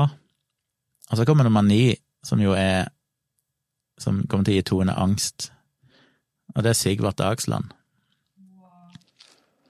Jeg har hatt perioder der jeg har hørt sinnssykt mye på Sigvart Dagsland, for han har jo helt, etter mitt syn latterlig mye bra musikk. Nummer ti er Porcupine Tree. Elleve er Herbie Hancock. Tolv er Dirty Loops. 13 er Ladyhawk, som jeg òg hørte insanely mye på en periode, og som jeg tror jeg må høre litt på igjen, for det har jeg helt glemt vekk, men jeg syns jo Ladyhawk er så bra. 14 er Tori Amos. 15 er Bonobo, som er sånn elektronisk eh, greie, instrumental. Først på 16. plass kommer Marillion. På 17. plass kommer Emily Sandé, som er jo veldig overraskende, for hun oppdaga bare for to år siden, eller noe sånt. Men jeg husker jeg hadde et album, en sånn liveopptak, konsertopptak med hun som gikk på repeat på Spotify når jeg hadde lange arbeidsdager. 18 er Pet Shop Boys. Ja, det, Pet Shop Boys er jo definitivt en av mine all time favorites, men jeg hørte jo mer på det på 80- og 90-tallet. Men uh, jeg har tydeligvis hørt mye på det etter 2007 òg. 19 er D-Sound, som jeg jo er stor fan av. 20 er Ellie Golding. Det er ganske fascinerende. 21 er Paramore. Her kommer mine emo-tendenser inn, ser du. 22 er A Perfect Circle. 23 er Sunscream. Og Sunscream, jeg vet ikke om Vikram er med i det miljøet, men uh, Sunscream er jo kanskje det mest viktige albumet for meg, er vel uh, det første Sunscream-albumet. Det er jo lite jeg har hørt på mer enn det, tilbake på midten av 90-tallet eller begynnelsen av 90-tallet, når de kom. Det er vel lite som har forma meg mer musikalsk, som jeg i større grad prøvde å være når jeg drev og lagde elektronisk musikk sjøl, uten at det ligna i det hele tatt, men bare jeg ble så inspirert av de. Sunscream, det er jo veldig datert på mange måter når du hører det nå. Veldig 90-talls, men uh, 24 røyks opp. Og 25 er Elin Furubotn, som er en sambygding, ei som vokste opp på Tonstad, og som vil nå bo i ja, gudene vet hvor hun bor, men jeg assosierer det med Stavanger, jeg lurer på om hun bor i Stavanger. Og som jeg ikke hadde noe tro på i utgangspunktet, men så litt sånn bare fordi jeg visste hvem hun var, og hadde liksom vokst litt opp med henne.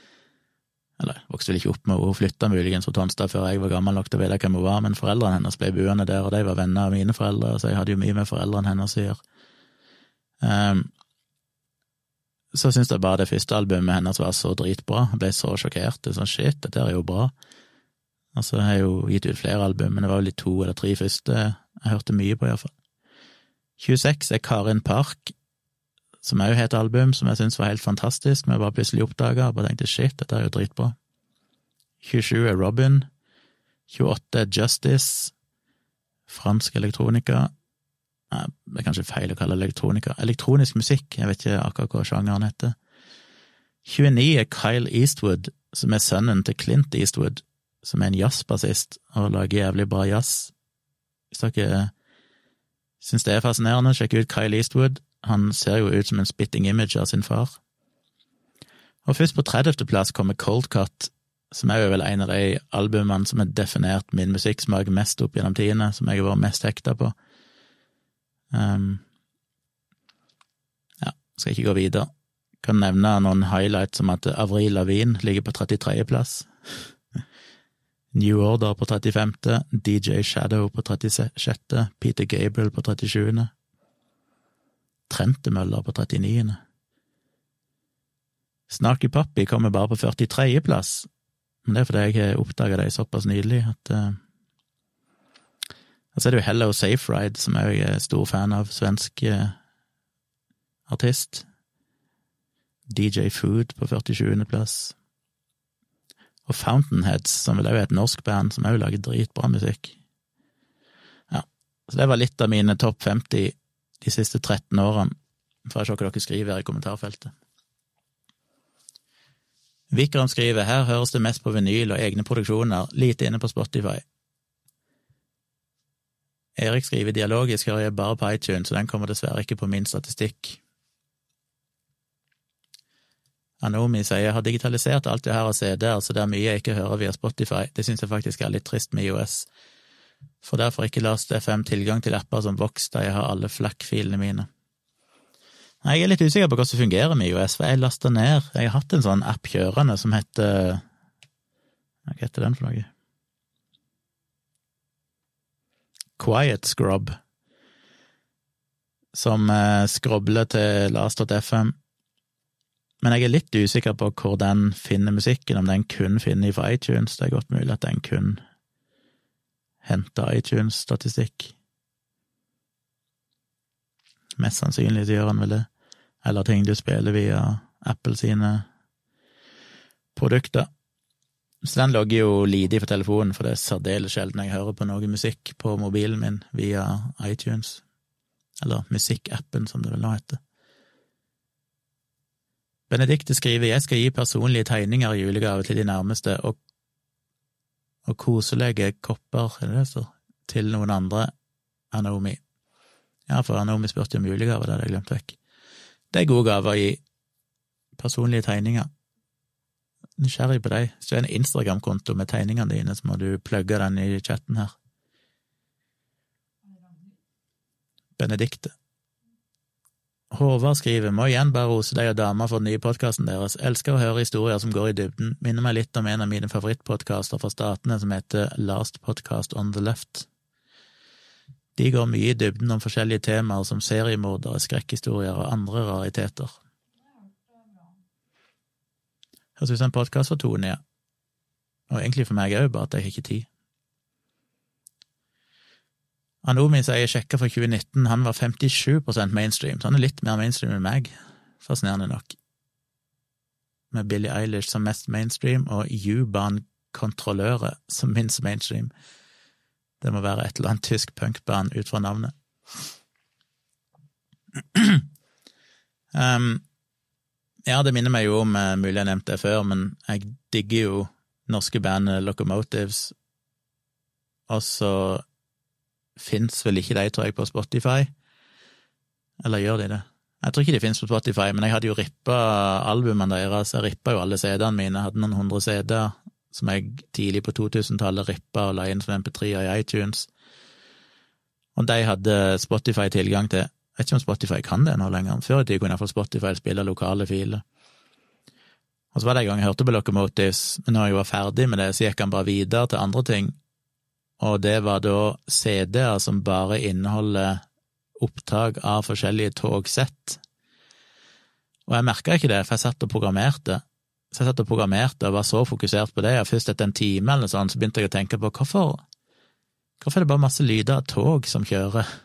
Da hadde jeg sittet og hørt i evigheter på at Spotify hadde da med sin artificial intelligence funnet ut at hvis jeg hørte på Locomotives, så hadde jeg sikkert lyst til å høre på sånne opptak av tog, som sikkert er veldig gøy for sånne ekstreme togentusiaster som ønsker å høre på lyden av forskjellige typer tog fra forskjellige produsenter og land og alt mulig. Men det finnes altså på Spotify. Opptak av tog. Vet ikke om Ronja mobber meg når hun skriver nummer to på lista er Bursum og tre er Britney, eller om hun snakker om seg sjøl.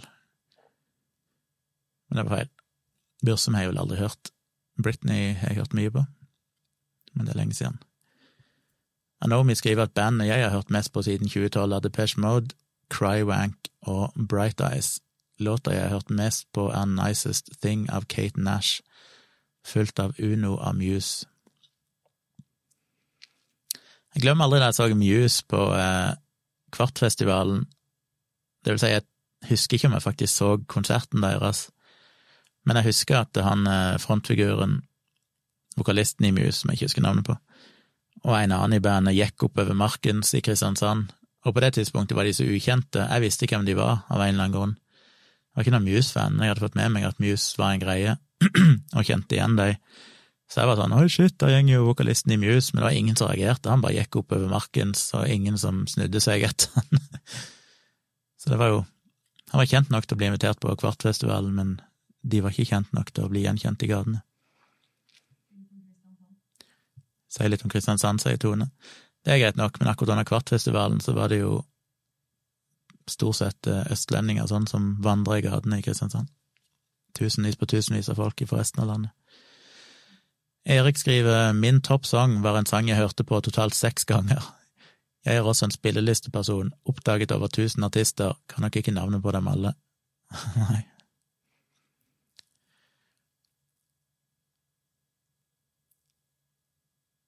Karoline sier at jeg og mannen deler Spotify, så her er det mye løpemusikk. Ja, det er jo kris krise å drive og dele sånne kontoer. Heldigvis er jo meg og Tone og Maja forskjellige YouTube-kontoer, ellers hadde det jo blitt heil krise. Og separate Spotify-kontoer.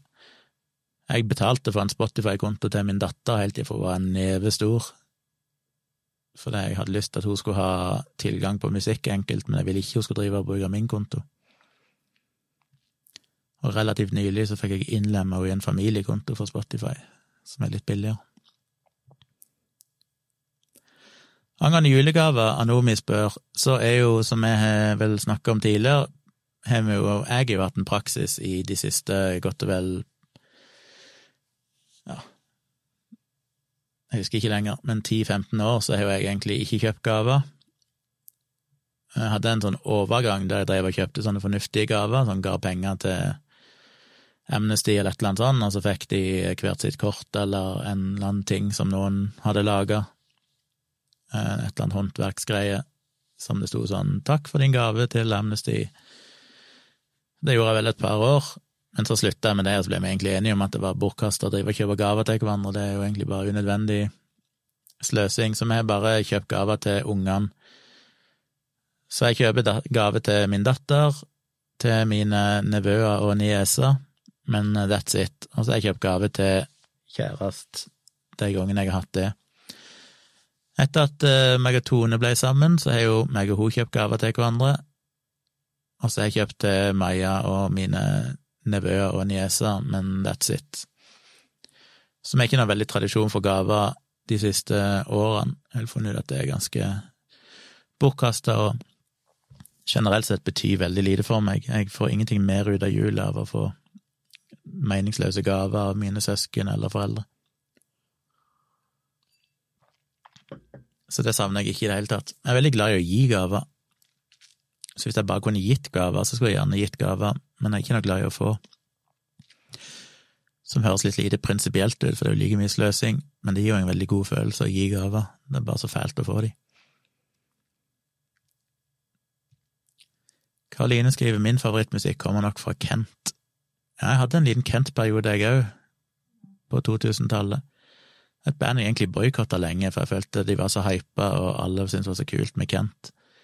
Men så ble jeg plutselig hekta på de sjøl, så det en lang periode jeg satt og hørte på Kent i evigheter. Sugle Knog sier det primus.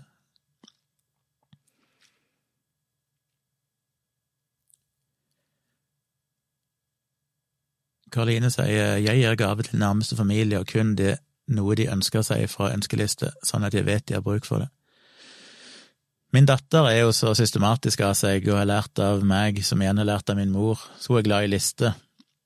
Så hun har en eh, liste inni notater-appen på sin iPhone som er delt med meg og mor hennes, som hun til enhver tid oppdaterer året rundt, og hver gang hun gjør en oppdatering, så får jeg en notification om at Maja har oppdatert lista si, så må jeg inn og kikke. Så hun har ei lang liste med alt hun ønsker seg, som er veldig greit, for det er når hun har bursdag og og det er jul, så er det veldig lett å vite hva jeg skal finne til henne. Det morsomste med den lista er at i bånden så står det 'Denne listen er bare, er bare, et utvalg av ting jeg ønsker meg', det betyr ikke at det er alt jeg vil ha, eller noe sånt. Du må liksom klargjøre at det kan jo være det andre ting hun vil ha enn det som står på lista. Det er viktig å få det fram. Så det blir nok et eller annet på den lista hun får i gave i år, jeg må bare koordinere litt med andre at ikke vi kjøper det samme.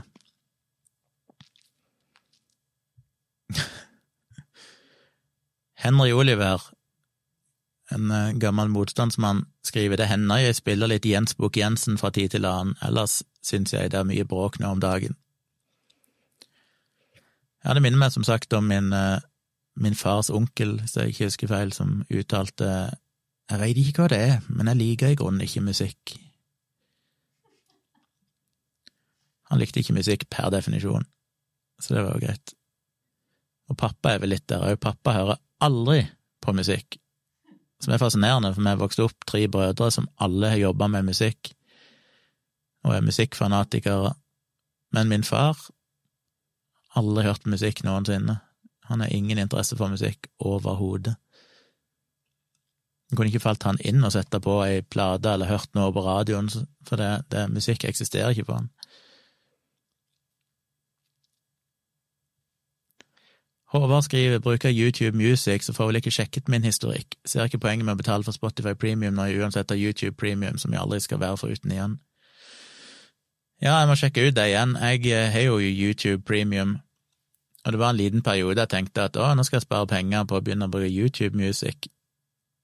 Men så var det vel en del ting jeg ikke fant der som jeg hørte på på Spotify, og så prøvde jeg å importere mine playlister fra Spotify men på det tidspunktet, og det er jo kanskje et par år siden snart, så hadde YouTube en begrensning på at du kunne bare importere så og så mange playlister per dag. Så jeg fant en sånn nettjeneste der du kunne logge inn på Spotify-en din og logge inn på YouTuben din, og så sørga den for å overføre playlistene, men den fikk jo bare overført Jeg vet ikke om det var antall playlister eller om det var antall sanger, men det var liksom x antall sanger per dag, og så måtte jeg vente 24 timer før jeg kunne fortsette, så jeg drev jo på med det i dagevis før han endelig fikk overført alle sangene mine. Men da var det mange sanger på de playlistene han ikke hadde, som ble stående tomme. Men det har jo skjedd ting der de siste tida, det utvides vel stadig, så en annen grunn til at jeg ikke brukte YouTube Music, var at det, det fine med Spotify er at det er så lett å dele sanger, for du vet stort sett at folk bruker Spotify. Så hvis du er en sang du vil dele med noen, så er det lett å sende dem en link. Um, jeg vet ikke helt hvordan det fungerer med YouTube, hvis ikke folk er YouTube Premium, om du får høre en preview, eller hvordan det fungerer, sånn som du gjør med Spotify. Jeg må sjekke ut YouTube Music igjen, pluss at de hadde ikke noen app i den tida. Jeg ville gjerne hatt en dedikert YouTube Music-app, så jeg brukte en sånn tredjeparts uh, uoffisiell Mac-app når jeg skulle spille det på datamaskinen, istedenfor å sitte med YouTube inne i nettleseren, så hadde jeg en egen app som vel egentlig bare er en sånn web-rapper som bare laster inn sida i en app. Men igjen, jeg må sjekke ut om det er kommet noe nytt der. Erik skriver blir oppgitt når jeg hører voksne mennesker si at de blir direkte skuffet av julegaver de får, som om de har gjort seg fortjent til å få noe spesielt og dyrt. Ja, det skulle mye til at jeg hadde sagt jeg var skuffa. Jeg forventer jo ikke å få noen ting, og alt noen vil gi meg, er jo en bonus. Men på den andre sida så er det ganske sjelden at uh, i gamle dager når jeg fikk gaver av de andre, så var det ikke så veldig ofte det var ting jeg liksom tenkte at oi, dette var noe jeg virkelig trengte. Sindre sier at Hello Safe Ride har jeg òg hørt på. Ja, det anbefales virkelig. De har jo en uh, en sang som heter Anna, som har en musikkvideo. Sjekk ut Hello Safe Ride med Anna på YouTube. Det er en musikkvideo jeg får gåsehud av, og klump i halsen hver gang jeg ser. Den er så kul, den i teksten. Det er liksom en historie om hvordan ho, hovedpersonen da, i bandet og i videoen eh, forteller om hvordan hun egentlig skulle ha vært sammen med denne mannen som hun var forelska i tidligere, eller var sammen med, og hvordan de skulle fått denne dattera som da heter Anna, som da selvfølgelig ble fantastisk og kom til å vinne nobelpriser, og det var ikke måte på. Så hele videoen er liksom bare hvor fantastisk alt dette er, og det er rosenrødt, og du ser hun leker med denne dattera si, og hun vinner priser og utdanner seg til lege og alt mulig rart, eller hva det er for noe. Og så helt på slutten så får du på en måte høre at men forholdet ble jo slutt, så Anna ble aldri født, og et eller annet sånt. Egentlig så er det bare en veldig trist kjærlighetssang, men de skjuler det helt til liksom siste setning, omtrent. Og så er det så utrolig fin sang. Anna av Hello Safe Ride, eller Hello Safe Ride, jeg vet ikke hvordan du uttaler det. Svensk artist. Eller band. Anomi skriver også foretrekker jeg å gi gave når som helst jeg måtte finne noe jeg vet folk kommer til å digge, litt gøyere når det kommer litt overraskende utenfor de vanlige gavedagene. Jeg er så enig, og det har jeg òg alltid sagt, jeg elsker å gi gaver når jeg bare kan overraske folk med det, men jeg blir irritert når det skal være sånn tradisjon, på en måte, at eh, nå skal vi overrekke gaver til hverandre, det synes jeg er litt mindre stas. Og så blir Tone litt oppgitt av meg fordi at hun vet at jeg egentlig ikke liker å kjøpe gaver som folk har sagt at de ønsker seg. Fordi at eh, da føler jeg det er sånn, ah, men det er jo ikke noe overraskelse. Det er så mye gøyere hvis jeg finner på et eller annet sjøl som de aldri hadde kommet på, men som de kanskje nevnte i en bisetning for lenge siden, og som jeg plukka opp og sånn, ah, det skal jeg kjøpe. Det er jo veldig mye gøyere. Men det er jo mye vanskeligere, så av og til så må man jo bare safe det med å kjøpe noe som du vet de ønsker seg.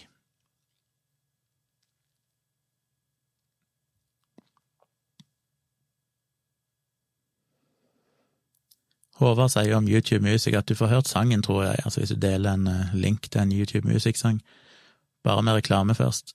Ja, det er jo litt deal-breaker. Karoline skriver jeg og mannen min vet alltid hva vi er til hverandre fordi jeg hater overraskelser. Det er litt sånn du òg er, Tone, ikke det? Nei.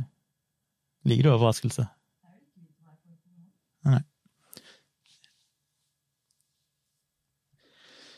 Nei. Jeg vil helst ha det som en overraskelse, men jeg syns det blir mye oppstyr å pakke oppgaver. Jeg føler er så mye forventninger til meg. Henry Oliver skriver jeg sliter litt med å forstå musikksmaken din, Gunnar. Liker du ABBA, Tom Waits, hva med Dream Theater? Nei, jeg er jo ikke noen fan av noen av de. Alle har vel hatt sin ABBA-periode i ungdommen. Men uh, Tom Waits er jeg ikke noen fan av. Dream Theater har jeg jo knapt hørt, så jeg kan ikke uttale meg så veldig. Men jeg kan ikke si jeg er noen fan. Vikram skriver hvis du vil gå litt musikkhunting, så sjekk ut Mixfiddler-appen min. Der finner all slags lister som kan klikke videre og finne låter som passer i tempo og harmoni. Søk Mixfiddler på Google. Ok. Mixfiddler Mixfiddler.com. Søk etter en artist, skal vi se om han finner en av mine artister. Nick Hershaw måtte jeg søke på.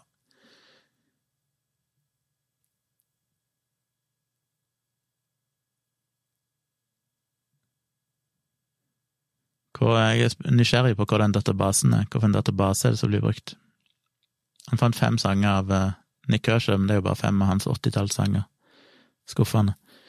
Men ja, det var en kul tjeneste. Sjekk ut mixfidler.com. Det kan jo være en god måte å finne andre artister på. Så til og med tonearten og BPM, sånn at du kan DJ-e for full maskin. Takk for tips.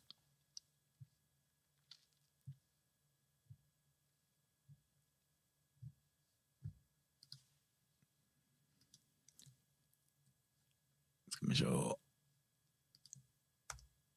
Se om det er kommet noen nye, spennende YouTube-kommentarer her.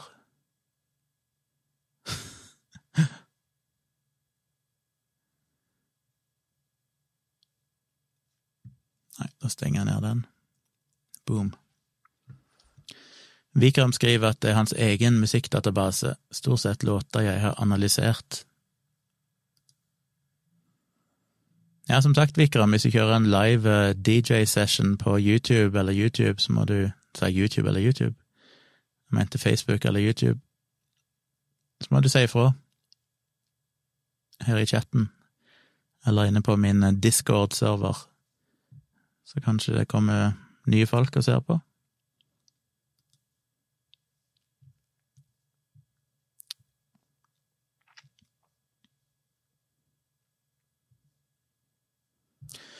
Nå ble det stille i kommentarfeltet. Betyr det at folk har tømt seg for i kveld? Jeg må se på mine toppalbum. Å, ah, shit. Toppalbum på last.fm. Det albumet jeg har hørt definitivt mest på siden 2007, er Unwritten av Natasha Beddingfield. Albumet jeg har hørt nest mest på, er Arkangelsk av Erik Trufas. Nummer tre er Speak for Yourself av Imogen Heap. Nummer fire er Hope av Car Park North. Nummer fem er Ellipse av Imogen Heap. Nummer seks er Oxymoron av Nick Kershaw. Det der skjønner jeg ikke. Nick Kershaw kom i oktober 2020. Altså, jeg har hørt sjett mest på han de siste 13 årene en eller annen gang så må jeg ha gått ifra Spotify gående på repeat. For jeg kan jo ikke ha hørt 344 ganger på det albumet på to måneder. Nummer sju er Loopified av Dirty Loops, og nummer åtte Euforia. Helen Sjøholm sjunger Billy Joel. Nummer ni er On the Moon av Peter Chinkati, og nummer ti er Ladyhawk Special Edition. Så det var mine topp ti. Skal vi se hva som er top tracks. Den sangen jeg har hørt mest på av alle sanger, er When We Were Kids av Car Park North. Den sangen jeg har hørt nest mest på, er Raise Your Head av Car Park North. Så nummer én og to er Car Park North. Nummer tre er First Train Home med Imogen Heap. Nummer fire er Goodbye Philadelphia, Peter Chinkati. Nummer fem er Bad Kids to the Back av Snarky Puppy. Nummer seks er Half-Life av Imogen Heap. Nummer sju er Good Night and Go av Imogen Heap. Nummer åtte er Under the Sheets av Ellie Golding. Nummer ni er World of the Void av Kaipa. Noen som har hørt om Kaipa? Det er veldig sånn eh, Jeg vet ikke hva hvilken sjanger jeg skal kalle det. Hvis noen har hørt om Kaipa, så må dere fortelle meg litt om dem, for det var bare en sang jeg oppdaga ble anbefalt av Spotify, som jeg ble hekta på. Og nummer ti er sangen Magic av Lady Hawk.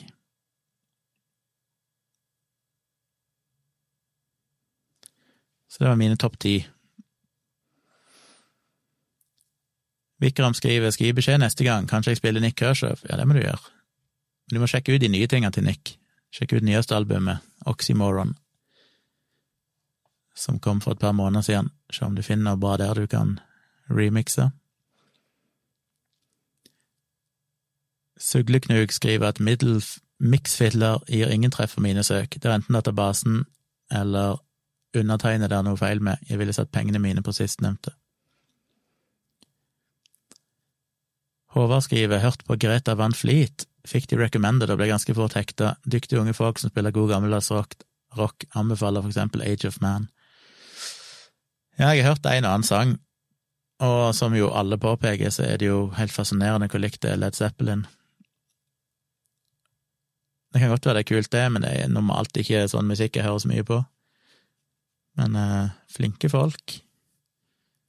Litt morsomt med unge mennesker i eh, disse dager som basically spiller Led Zeppelin. Stil.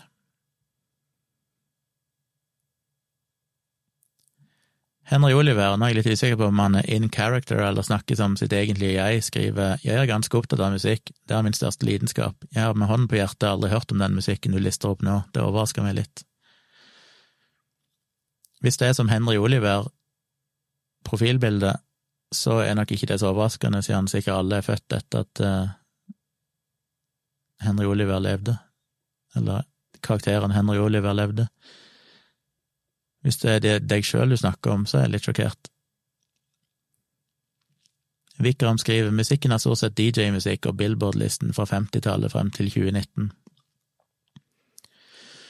Jeg var veldig inne i musikk i de, eh, det året jeg eh, jobba med å lage ringetone til mobiltelefoner, som dere sikkert har hørt om før i Dialogisk, og jeg blogger om det òg. Men det var tilbake i 2003, var det vel? Eller noe sånt.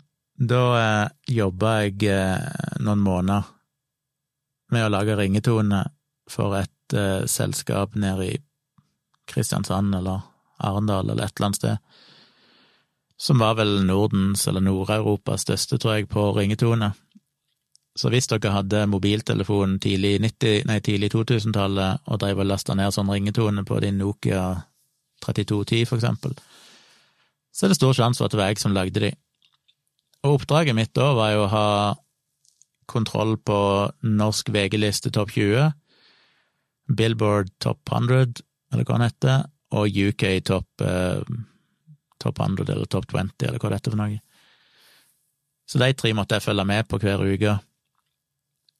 Og det var ikke noen lovlig måte å få tak på musikk da, så det var jo egentlig ulovlig det jeg drev med. Jeg var jo, I jobben min så var jeg på en måte pålagt å laste ned MP3-filer. Er det vel diskutabelt, hvor mye diskusjon om, om lovligheten og sånn av det. Men eh, jeg måtte egentlig laste ned, sitte og bare søke i forskjellige sånne Napster-lignende greier og prøve å finne MP3-filer av de sangene og håpe at det var rett sang jeg fant, for av og til så er det jo sanger som heter det samme og sånn, så det var litt stress å finne ut om det egentlig var rett sang. Men jeg måtte laste ned den, og så måtte jeg finne hooket, som kunne vare i maks 30 sekunder, tror jeg. Ofte var jo det refrenget, men det kunne jo av og til være andre ting. Og så måtte jeg gjenskape det med midi, og da hadde jeg ganske mye begrensninger som eh, Jeg kunne ikke ha mer enn var det 16 toners, toners polyfoni, så kunne det maks være 16 toner samtidig, som høres mye ut, men det blir fort spist opp hvis du legger en akkord på en synt som er tre toner, og så er det ei stortromme og en high-hat og en cymbal samtidig, så er det tre toner. og så er det kanskje en annen synt som legger et eller annet, og så er det en bassgitar, og så er det kanskje en virtuell gitar som skal spille en akkord, og så er det et eller annet som skal spille ja. Så 16 toner kunne være en begrensning av og til. Men da var jeg ganske inne i musikk, fordi at da måtte jeg jo hele tida følge med på topp ti i USA og England, og for så vidt Norge. Og i den tida var det jo ikke så lenge siden, 15, ja, 18 år siden, 17 år siden, men det var ganske annerledes musikklandskap da. Da var det jo fortsatt sånn at Ja, det er vel til en viss grad det ennå, men jeg tror det var i større grad sånn da at uh, musikk ofte ble stort i USA jeg, noen uker før det kom til Norge. For jeg husker i den tida så var det hele tiden sånn at når en sang kom på topp 20-lista i Norge og ble populær, da var det sånn hæ, den her hørte jeg for lenge siden, jeg lagde jo ringetoner denne her for to måneder siden. Så da følte jeg meg så oppdatert, jeg hadde liksom hørt alt det nye lenge før alle andre hadde hørt det. Ikke alle, da, men mange andre. Mainstream. Så det var ganske gøy. Men eh, det tok mye tid, og jeg hadde ikke tid til slutt, for hadde firmaet mitt begynt å vokse, og jeg måtte prioritere firmaet, så jeg måtte ditche det. Og så var det ikke veldig lenge etterpå, jeg tror mindre enn et år etterpå, så måtte de kaste inn håndkleet, for da begynte plutselig begynte det å komme mobiler som kunne spille og sample musikkstykker. Og da var det ikke så kult med de der eh, General Medi-skvipet lenger. Men jeg lagde jo alle de sangene, så det er det gøy å se når du husker Dagbladet sånn, som hadde svære annonser med liksom 'send SMS' sånn og sånn for å få tilsendt denne ringetonen. Og det meste av det som var der, var det jo jeg som faktisk satt og lagde. Så det er nok temmelig mange av folk jeg kjenner og ikke kjenner, som har hatt musikken min uten at de vet det, på mobilen sin. I tillegg så måtte jeg jo lage masse filmmusikk. Idol husker jeg jeg lagde når Idol starta. Det var sånn topphemmelig. Jeg fikk tilsendt liksom Idol-sangen og sånn, og alt skulle være så hemmelig. Og det som var mest stas, var vel at jeg lagde de offisielle ringetonene til Craig David, hvis dere husker han, med Seven Seconds Nei, ikke Seven Seconds, med Seven Days. Walking Away, ja. Jeg lagde faktisk hans offisielle ringetone på oppdrag ifra hans sitt plateselskap som da måtte sendes og bli godkjent av dem, og det ble de. Så det er veldig kult å lage ringetone for Craig David, det var et internasjonalt prosjekt. Så lagde jeg òg ringetone til eh, han der Johan Rosenstrøm, hva det han heter? En sånn svensk, rølpete, harry kassegitarartist. Bjørn Rosenstrøm heter han. Som jeg bare assosierer med sikkert reiste rundt på norske høyfjellshotell og spilte til fulle folk. Eh, tidlig på 2000-tallet. Og det var ikke lett, for alle sangene hans er jo basically bare han som sitter med kassegitar og synger, og det å gjenskape kassegitar på General Medi, altså veldig basic eh, utvalg av syntlyder, er ikke enkelt. Men jeg gjorde det, han måtte lage hele albumet til, så jeg klarte på en eller annen måte å lage ringetone av hans sitt album, som basically er han som sitter og hyler til kassegitar. Så lagde jeg nasjonalsangene til Europa, og da fikk jeg jo god hjelp av at jeg hadde lært litt klassisk harmonilære på Norsk lydskole når jeg gikk der, på musikerutdanning. Og det måtte jeg jo stort sett fake, for jeg kunne ikke sitte og høre hele orkesteret og på en måte gjenskape det. Så jeg fant på en måte bare de bærende linjene, det som var som folk legger merke til, og resten av strykerne og sånn, det bare ja, jeg bare lagde jeg ut ifra det jeg visste om harmonilære, hvordan ting skal bevege seg i forhold til hverandre og sånn, Eh, og så ble det hørende ganske likt ut, da. Hvis du følger visse prinsipper, så kan du fake det ganske godt. Og så lagde jeg masse filmmusikk til kjente filmer, og ja, det var gøy. Hvis dere har lyst til å høre de, så ligger de ute på bloggen min. Bare søk på eh, Tjomli ringetone eller noe sånt. Der har jeg lagt ut de konverterte midi-filene til MP3. Så det ligger sånn 20 og 30 sekunders MP3-filer, et lass av de, inne på bloggen min. Problemet er det at General Media sier jo ingenting om hvordan lyden skal høres ut, den sier bare det skal være en lyd som er sånn, for eksempel nummer én er et vanlig piano, men det pianoet kan høres forskjellig ut på forskjellige mobiler, forskjellige synter. Så når jeg konverterte de til MP3-filer, så måtte jeg bruke en sånn, jeg tror jeg brukte QuickTime eller et eller annet sånt på Mac-en, som har et sett med helt standard lyder, men de hørtes jo helt forskjellige ut ifra når jeg lagde de, så det blir jo ikke helt representativt, men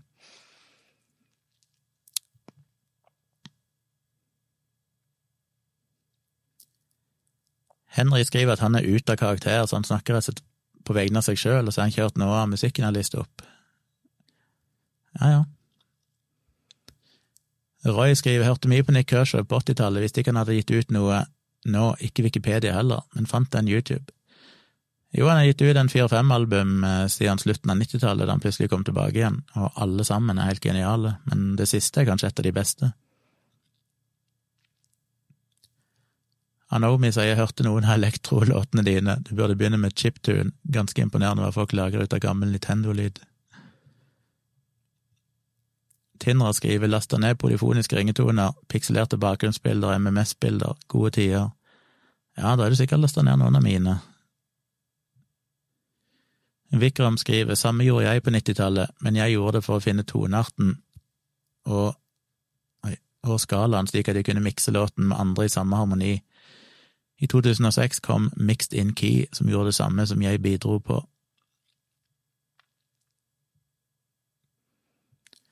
Hurdur skriver hjernen fyller inn det som mangler.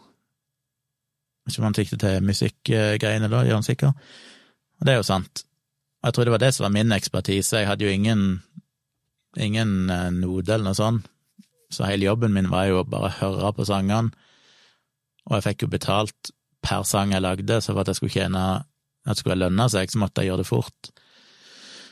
Og det var jo det som var det gøyeste, å merke at jeg ble flinkere og flinkere. Så jeg skulle jo på slutten, da kunne jeg ta en sang som jeg allerede hadde hørt før, og så i løpet av 20-30 minutter så hadde jeg gjenskapt hele sangen med bass og tromme og gitar og synter og vokal og alt annet som var der. Eh, nesten identisk med originalen. Lydene høres selvfølgelig mye dårligere ut, for det var mye dårligere lyder, men rent sånn melodisk så plukka jeg vel Så jeg tror jeg er ganske godt gehør på det, at jeg kan høre en sang, og så kan jeg plukke alle instrumentene og spille de sjøl. Men det var veldig god trening, og av og til så må han fake litt, sånn som den klassiske musikken. Da, eh, men så er jeg så perfeksjonist, så jeg fortok det jo tid, for jeg var sånn som jeg visste hvordan det skulle være, og så måtte jeg gjøre det liksom helt til jeg fikk Jeg kan ikke leve med at en high-hat spiller feil en eller annen plass, eller ikke har med alle de slagene som de har. Så hver eneste ting måtte liksom være helt liksom originalen. Det var vel derfor jeg fikk alle de jobbene. Jeg ble vel hovedmusikeren i det selskapet som fikk alle oppdragene til slutt. Og så møtte jeg igjen, helt tilfeldigvis, en eller annen fyr for mange år siden, han husker ikke hvor det var. Men plutselig så sa han bare at ja, du forresten, lagde du ringetone? Så sa jeg ja, ja, for han hadde jobba i det samme selskapet, og det var han som hadde ansvaret for å ta mine ringetoner og så konvertere de og sånn til de formatene som ble brukt på de forskjellige mobilene.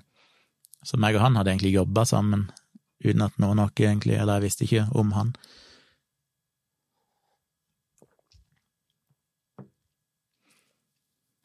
Hør du skrive uh, apropos chiptune, skal linke på discorden til en kar som kaller seg Cetrix, lager helt vanvittig bra chiptunes på drumroll Amiga. Sebastian sier husker vi skulle spille The Riddle på musikklinja, ble sjokkert over hvor mange akkordskifter det var, maken til musiker. Ja, det er det jeg alltid sier. Nick Kershaw har jo jazzbakgrunn, og det er det som er så gøy med sangene hans, at de høres ut som kommerspop, men når du begynner å analysere de, så er de jo så fuckings kompliserte. Som jeg sa på det siste albumet òg, med Oxymoron, som jeg har hørt mange ganger før jeg oppdaga at oi, shit, denne sangen går i fem fjerdedelstakt, og så oi, denne her går i sju fjerdedelstakt. What the fuck? Som er veldig utradisjonelt. Og han har en sånn tendens til å bare skifte toneart etter introen. Han kan starte introen i én toneart, og i det verset begynner, så bare modulerer han til en helt annen toneart. Jeg husker jo da gikk på videregående, så hadde jeg dilla på The One and Only av Chesney Hawks, som det er Nick Kershaw som har skrevet. Jeg skulle prøve å gjenskare og liksom lære, for det gjorde jeg jo helt ifra jeg gikk i barneskolen omtrent, så satt jeg jo og hørte på musikk, og så satt jeg og skrev ned, og lærte meg alle sangene. Uh, og da skulle jeg lære meg The One and Only, men det husker jeg, den sleit jeg med, for den har så rare akkordskifter og sær toneart som ikke jeg syns var så enkelt å spille. Men igjen, en veldig kommersiell poplåt, men på ingen selvs måte simpel, selv om det ikke er den mest komplekse han har, sånn sett. Han er mye, mye rare greier som jeg syns er dypt interessant og deilig å høre på. Hør du å skrive tracker i 2020, crazy stuff. Aldri egentlig brukt Hva var det hette? Var det Music Tracker? Nei, hva var dette? Et av de mest kjente tracker-programmene på Amiga i gamle dager. Men jeg drev vel på med det i 92-93 eller noe sånt. Og da husker jeg jeg, satt, jeg hadde ikke Amiga sjøl, men en kompis av meg hadde det. Og da husker jeg jeg satt oppe hos han, og så lagde jeg Axel F um, fra Beverly Hills Cop. Lagde jeg den i en music tracker, eller hva er dette for noe, der du bare sitter og trykker inn i dette rutenettet hvor alle nodene skal være, og sitter og teller sånn hvor lang avstand det skal være mellom dem. Det ble ganske bra. Sugleknug sier at Farmers Market var min nummer to på Spotify. De har noen fine låter i 7.11-deler, 7.13-deler etc. Meget koselig. Å ja, hadde jeg glemt vekk Farmers Market. De er jo helt geniale. Å, det må jeg se igjen på YouTube. De har, jeg har sett noen greier av de på YouTube før som er bare Det er altså så insane hvor bra de er. Sebastian sier at syns Sting har en vanvittig evne til å få skeive taktdata til å høre naturlig ut, typ Seven Days i fem åttendelsakt og Hang My Head i ni åttendelsakt. Ja, Sting er jo helt genial.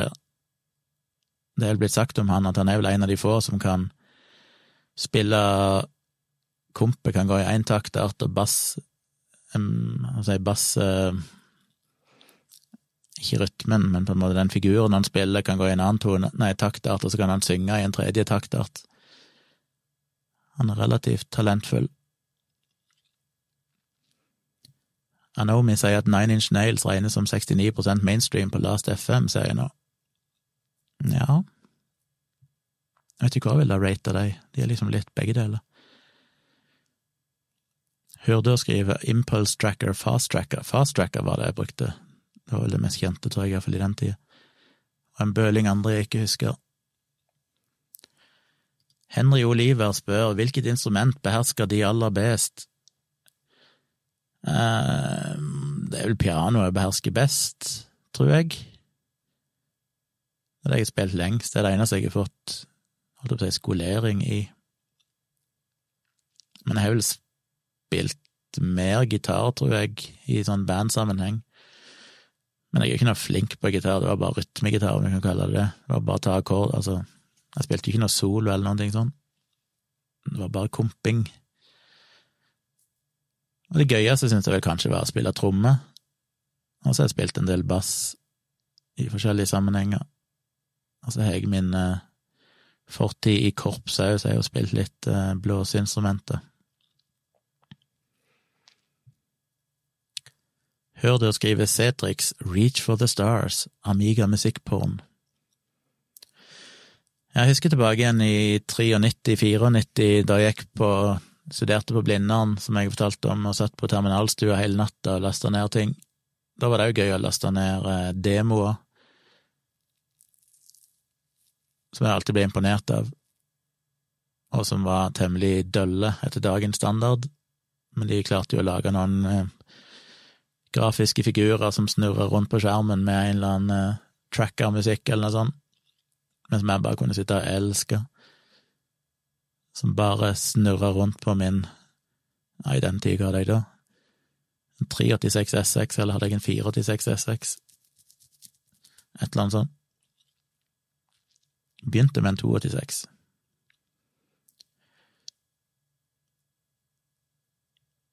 Det ble mye musikkprat i dag, men som sagt eh, Sjekk ut eh, min last.fm hvis dere vil det, eller sjekk ut mine ringetoner på bloggen. Hvis dere skulle ha så sære interesser. Det er alltid litt interessant å se på de her eh, gamle listene. I snitt så har jeg skrobla 13 sanger om dagen.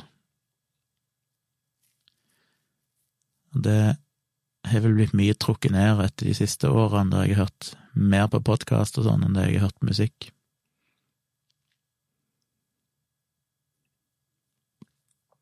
Ja, se der, ja, der kan jeg spesifisere Her kan jeg finne siste året. Siste 365 dagene så har jeg hørt mest på Dirty Loops. Nei, det har jeg ikke, det var Siste 365 dagene så har jeg hørt mest på Nick og nest mest på Dirty Loops og tre mest på Dagny, så den er jo ganske i tråd med Spotify.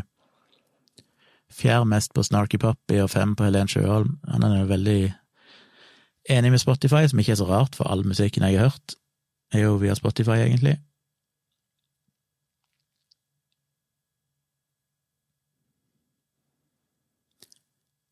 Det er ingen av dere som har svarte på det bandet jeg snakket om, som jeg allerede har glemt hva heter, men det er et annet band som heter The Algorithm, som òg har en sang, bare én sang, som jeg digger.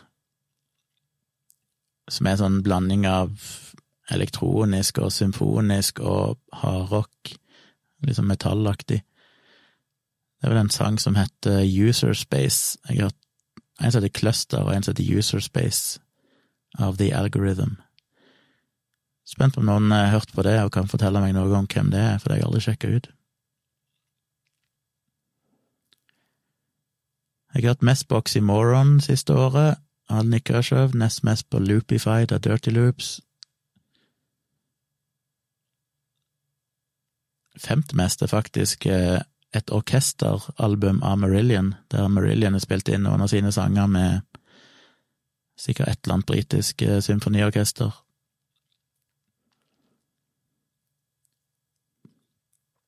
Og av tracks så er sju av mine topp ti enn i Kershaw for det siste albumet. Én av Dirty Loops, én av Dagny, og så en Nei, åtte av ti tracks er Nick Kershaw. Nesten alle på topp 16 er Nick Kershaw. Nei, nesten alle på topp 20 er Nick Kershaw. Jesus. Mine Kershaw siste året, tydeligvis. Sebastian sier algorithm som i progmetal elektroartisten. Godt mulig, det høres jo ut som en korrekt beskrivelse. Selv om det står The Algorithm her på lista.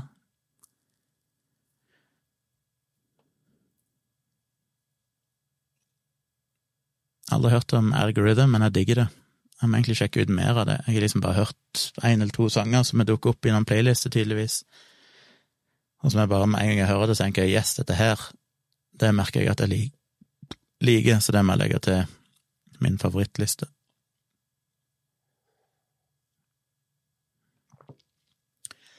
Sebastian skriver hørte mye på Trojans av Algorithm.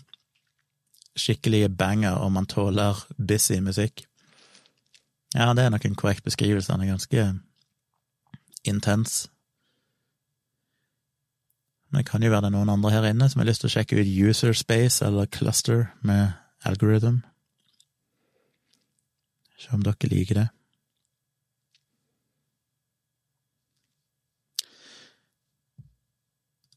Inne på min uh, Discord-server så har jeg jo en egen musikkanal, og der har det jo allerede kommet en del musikktips. Så hvis det er noen av dere som har lyst til å dele musikktips, så går det an å gjøre det der inne. Jeg skal jo se om jeg kan dele litt. Det er fint for dere skriver litt om musikken, og ikke bare dele en link, for da blir det litt sånn, ja, hvorfor skal jeg høre på dette? Men uh, skriv gjerne litt om hvorfor dere liker den sangen, eller noe sånt. Så blir det mer attraktivt å sjekke det ut.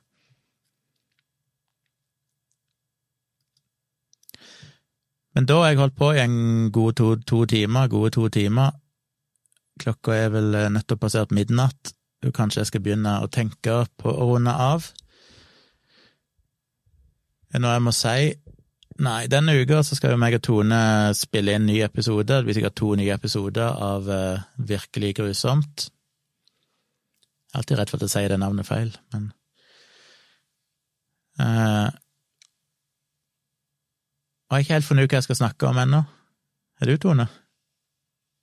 Ikke Tone heller, så vi må researche litt og finne noen grusomme historier. Men det blir gøy. Ellers så skjer det ikke så mye, annet enn at dattera mi kommer til helge, så jeg får se hvordan det blir med livestreams denne helga, på fredag og lørdag. Mulig Ja, jeg får se. Mulig jeg kjører det, kanskje jeg ikke. Kommer litt an på hvordan det blir. En person som ikke har noe navn, enten to streker, spør eh, hei, må man være patron for å få tilgang til Discord. Jeg må få litt hjelp av de andre her. For teknisk sett så er tanken min at det må du ikke, men akkurat nå så er det ikke en offentlig server, og vi har ikke invitert noen. Så akkurat nå er det kun patrons vel som har tilgang. Og jeg eh, hadde lyst til å vente litt med å invitere folk til jeg har litt mer kontrollen. Men jeg vet ikke, det kan godt hende vi skal bare begynne å dele invites. Jeg vet ikke helt hvordan det fungerer engang. Men uh, på et eller annet tidspunkt skal jeg få delt uh, Sende en invite. Og dere som allerede er patrons der inne, hvis dere eller er deltakere på discorden min. Hvis dere vet om folk som kunne være interessert i å delta, og som dere vet ikke lager masse ugagn, selv om ikke vi har fått på plass noe særlig med formelle regler og sånne ting ennå, så er det bare å invitere.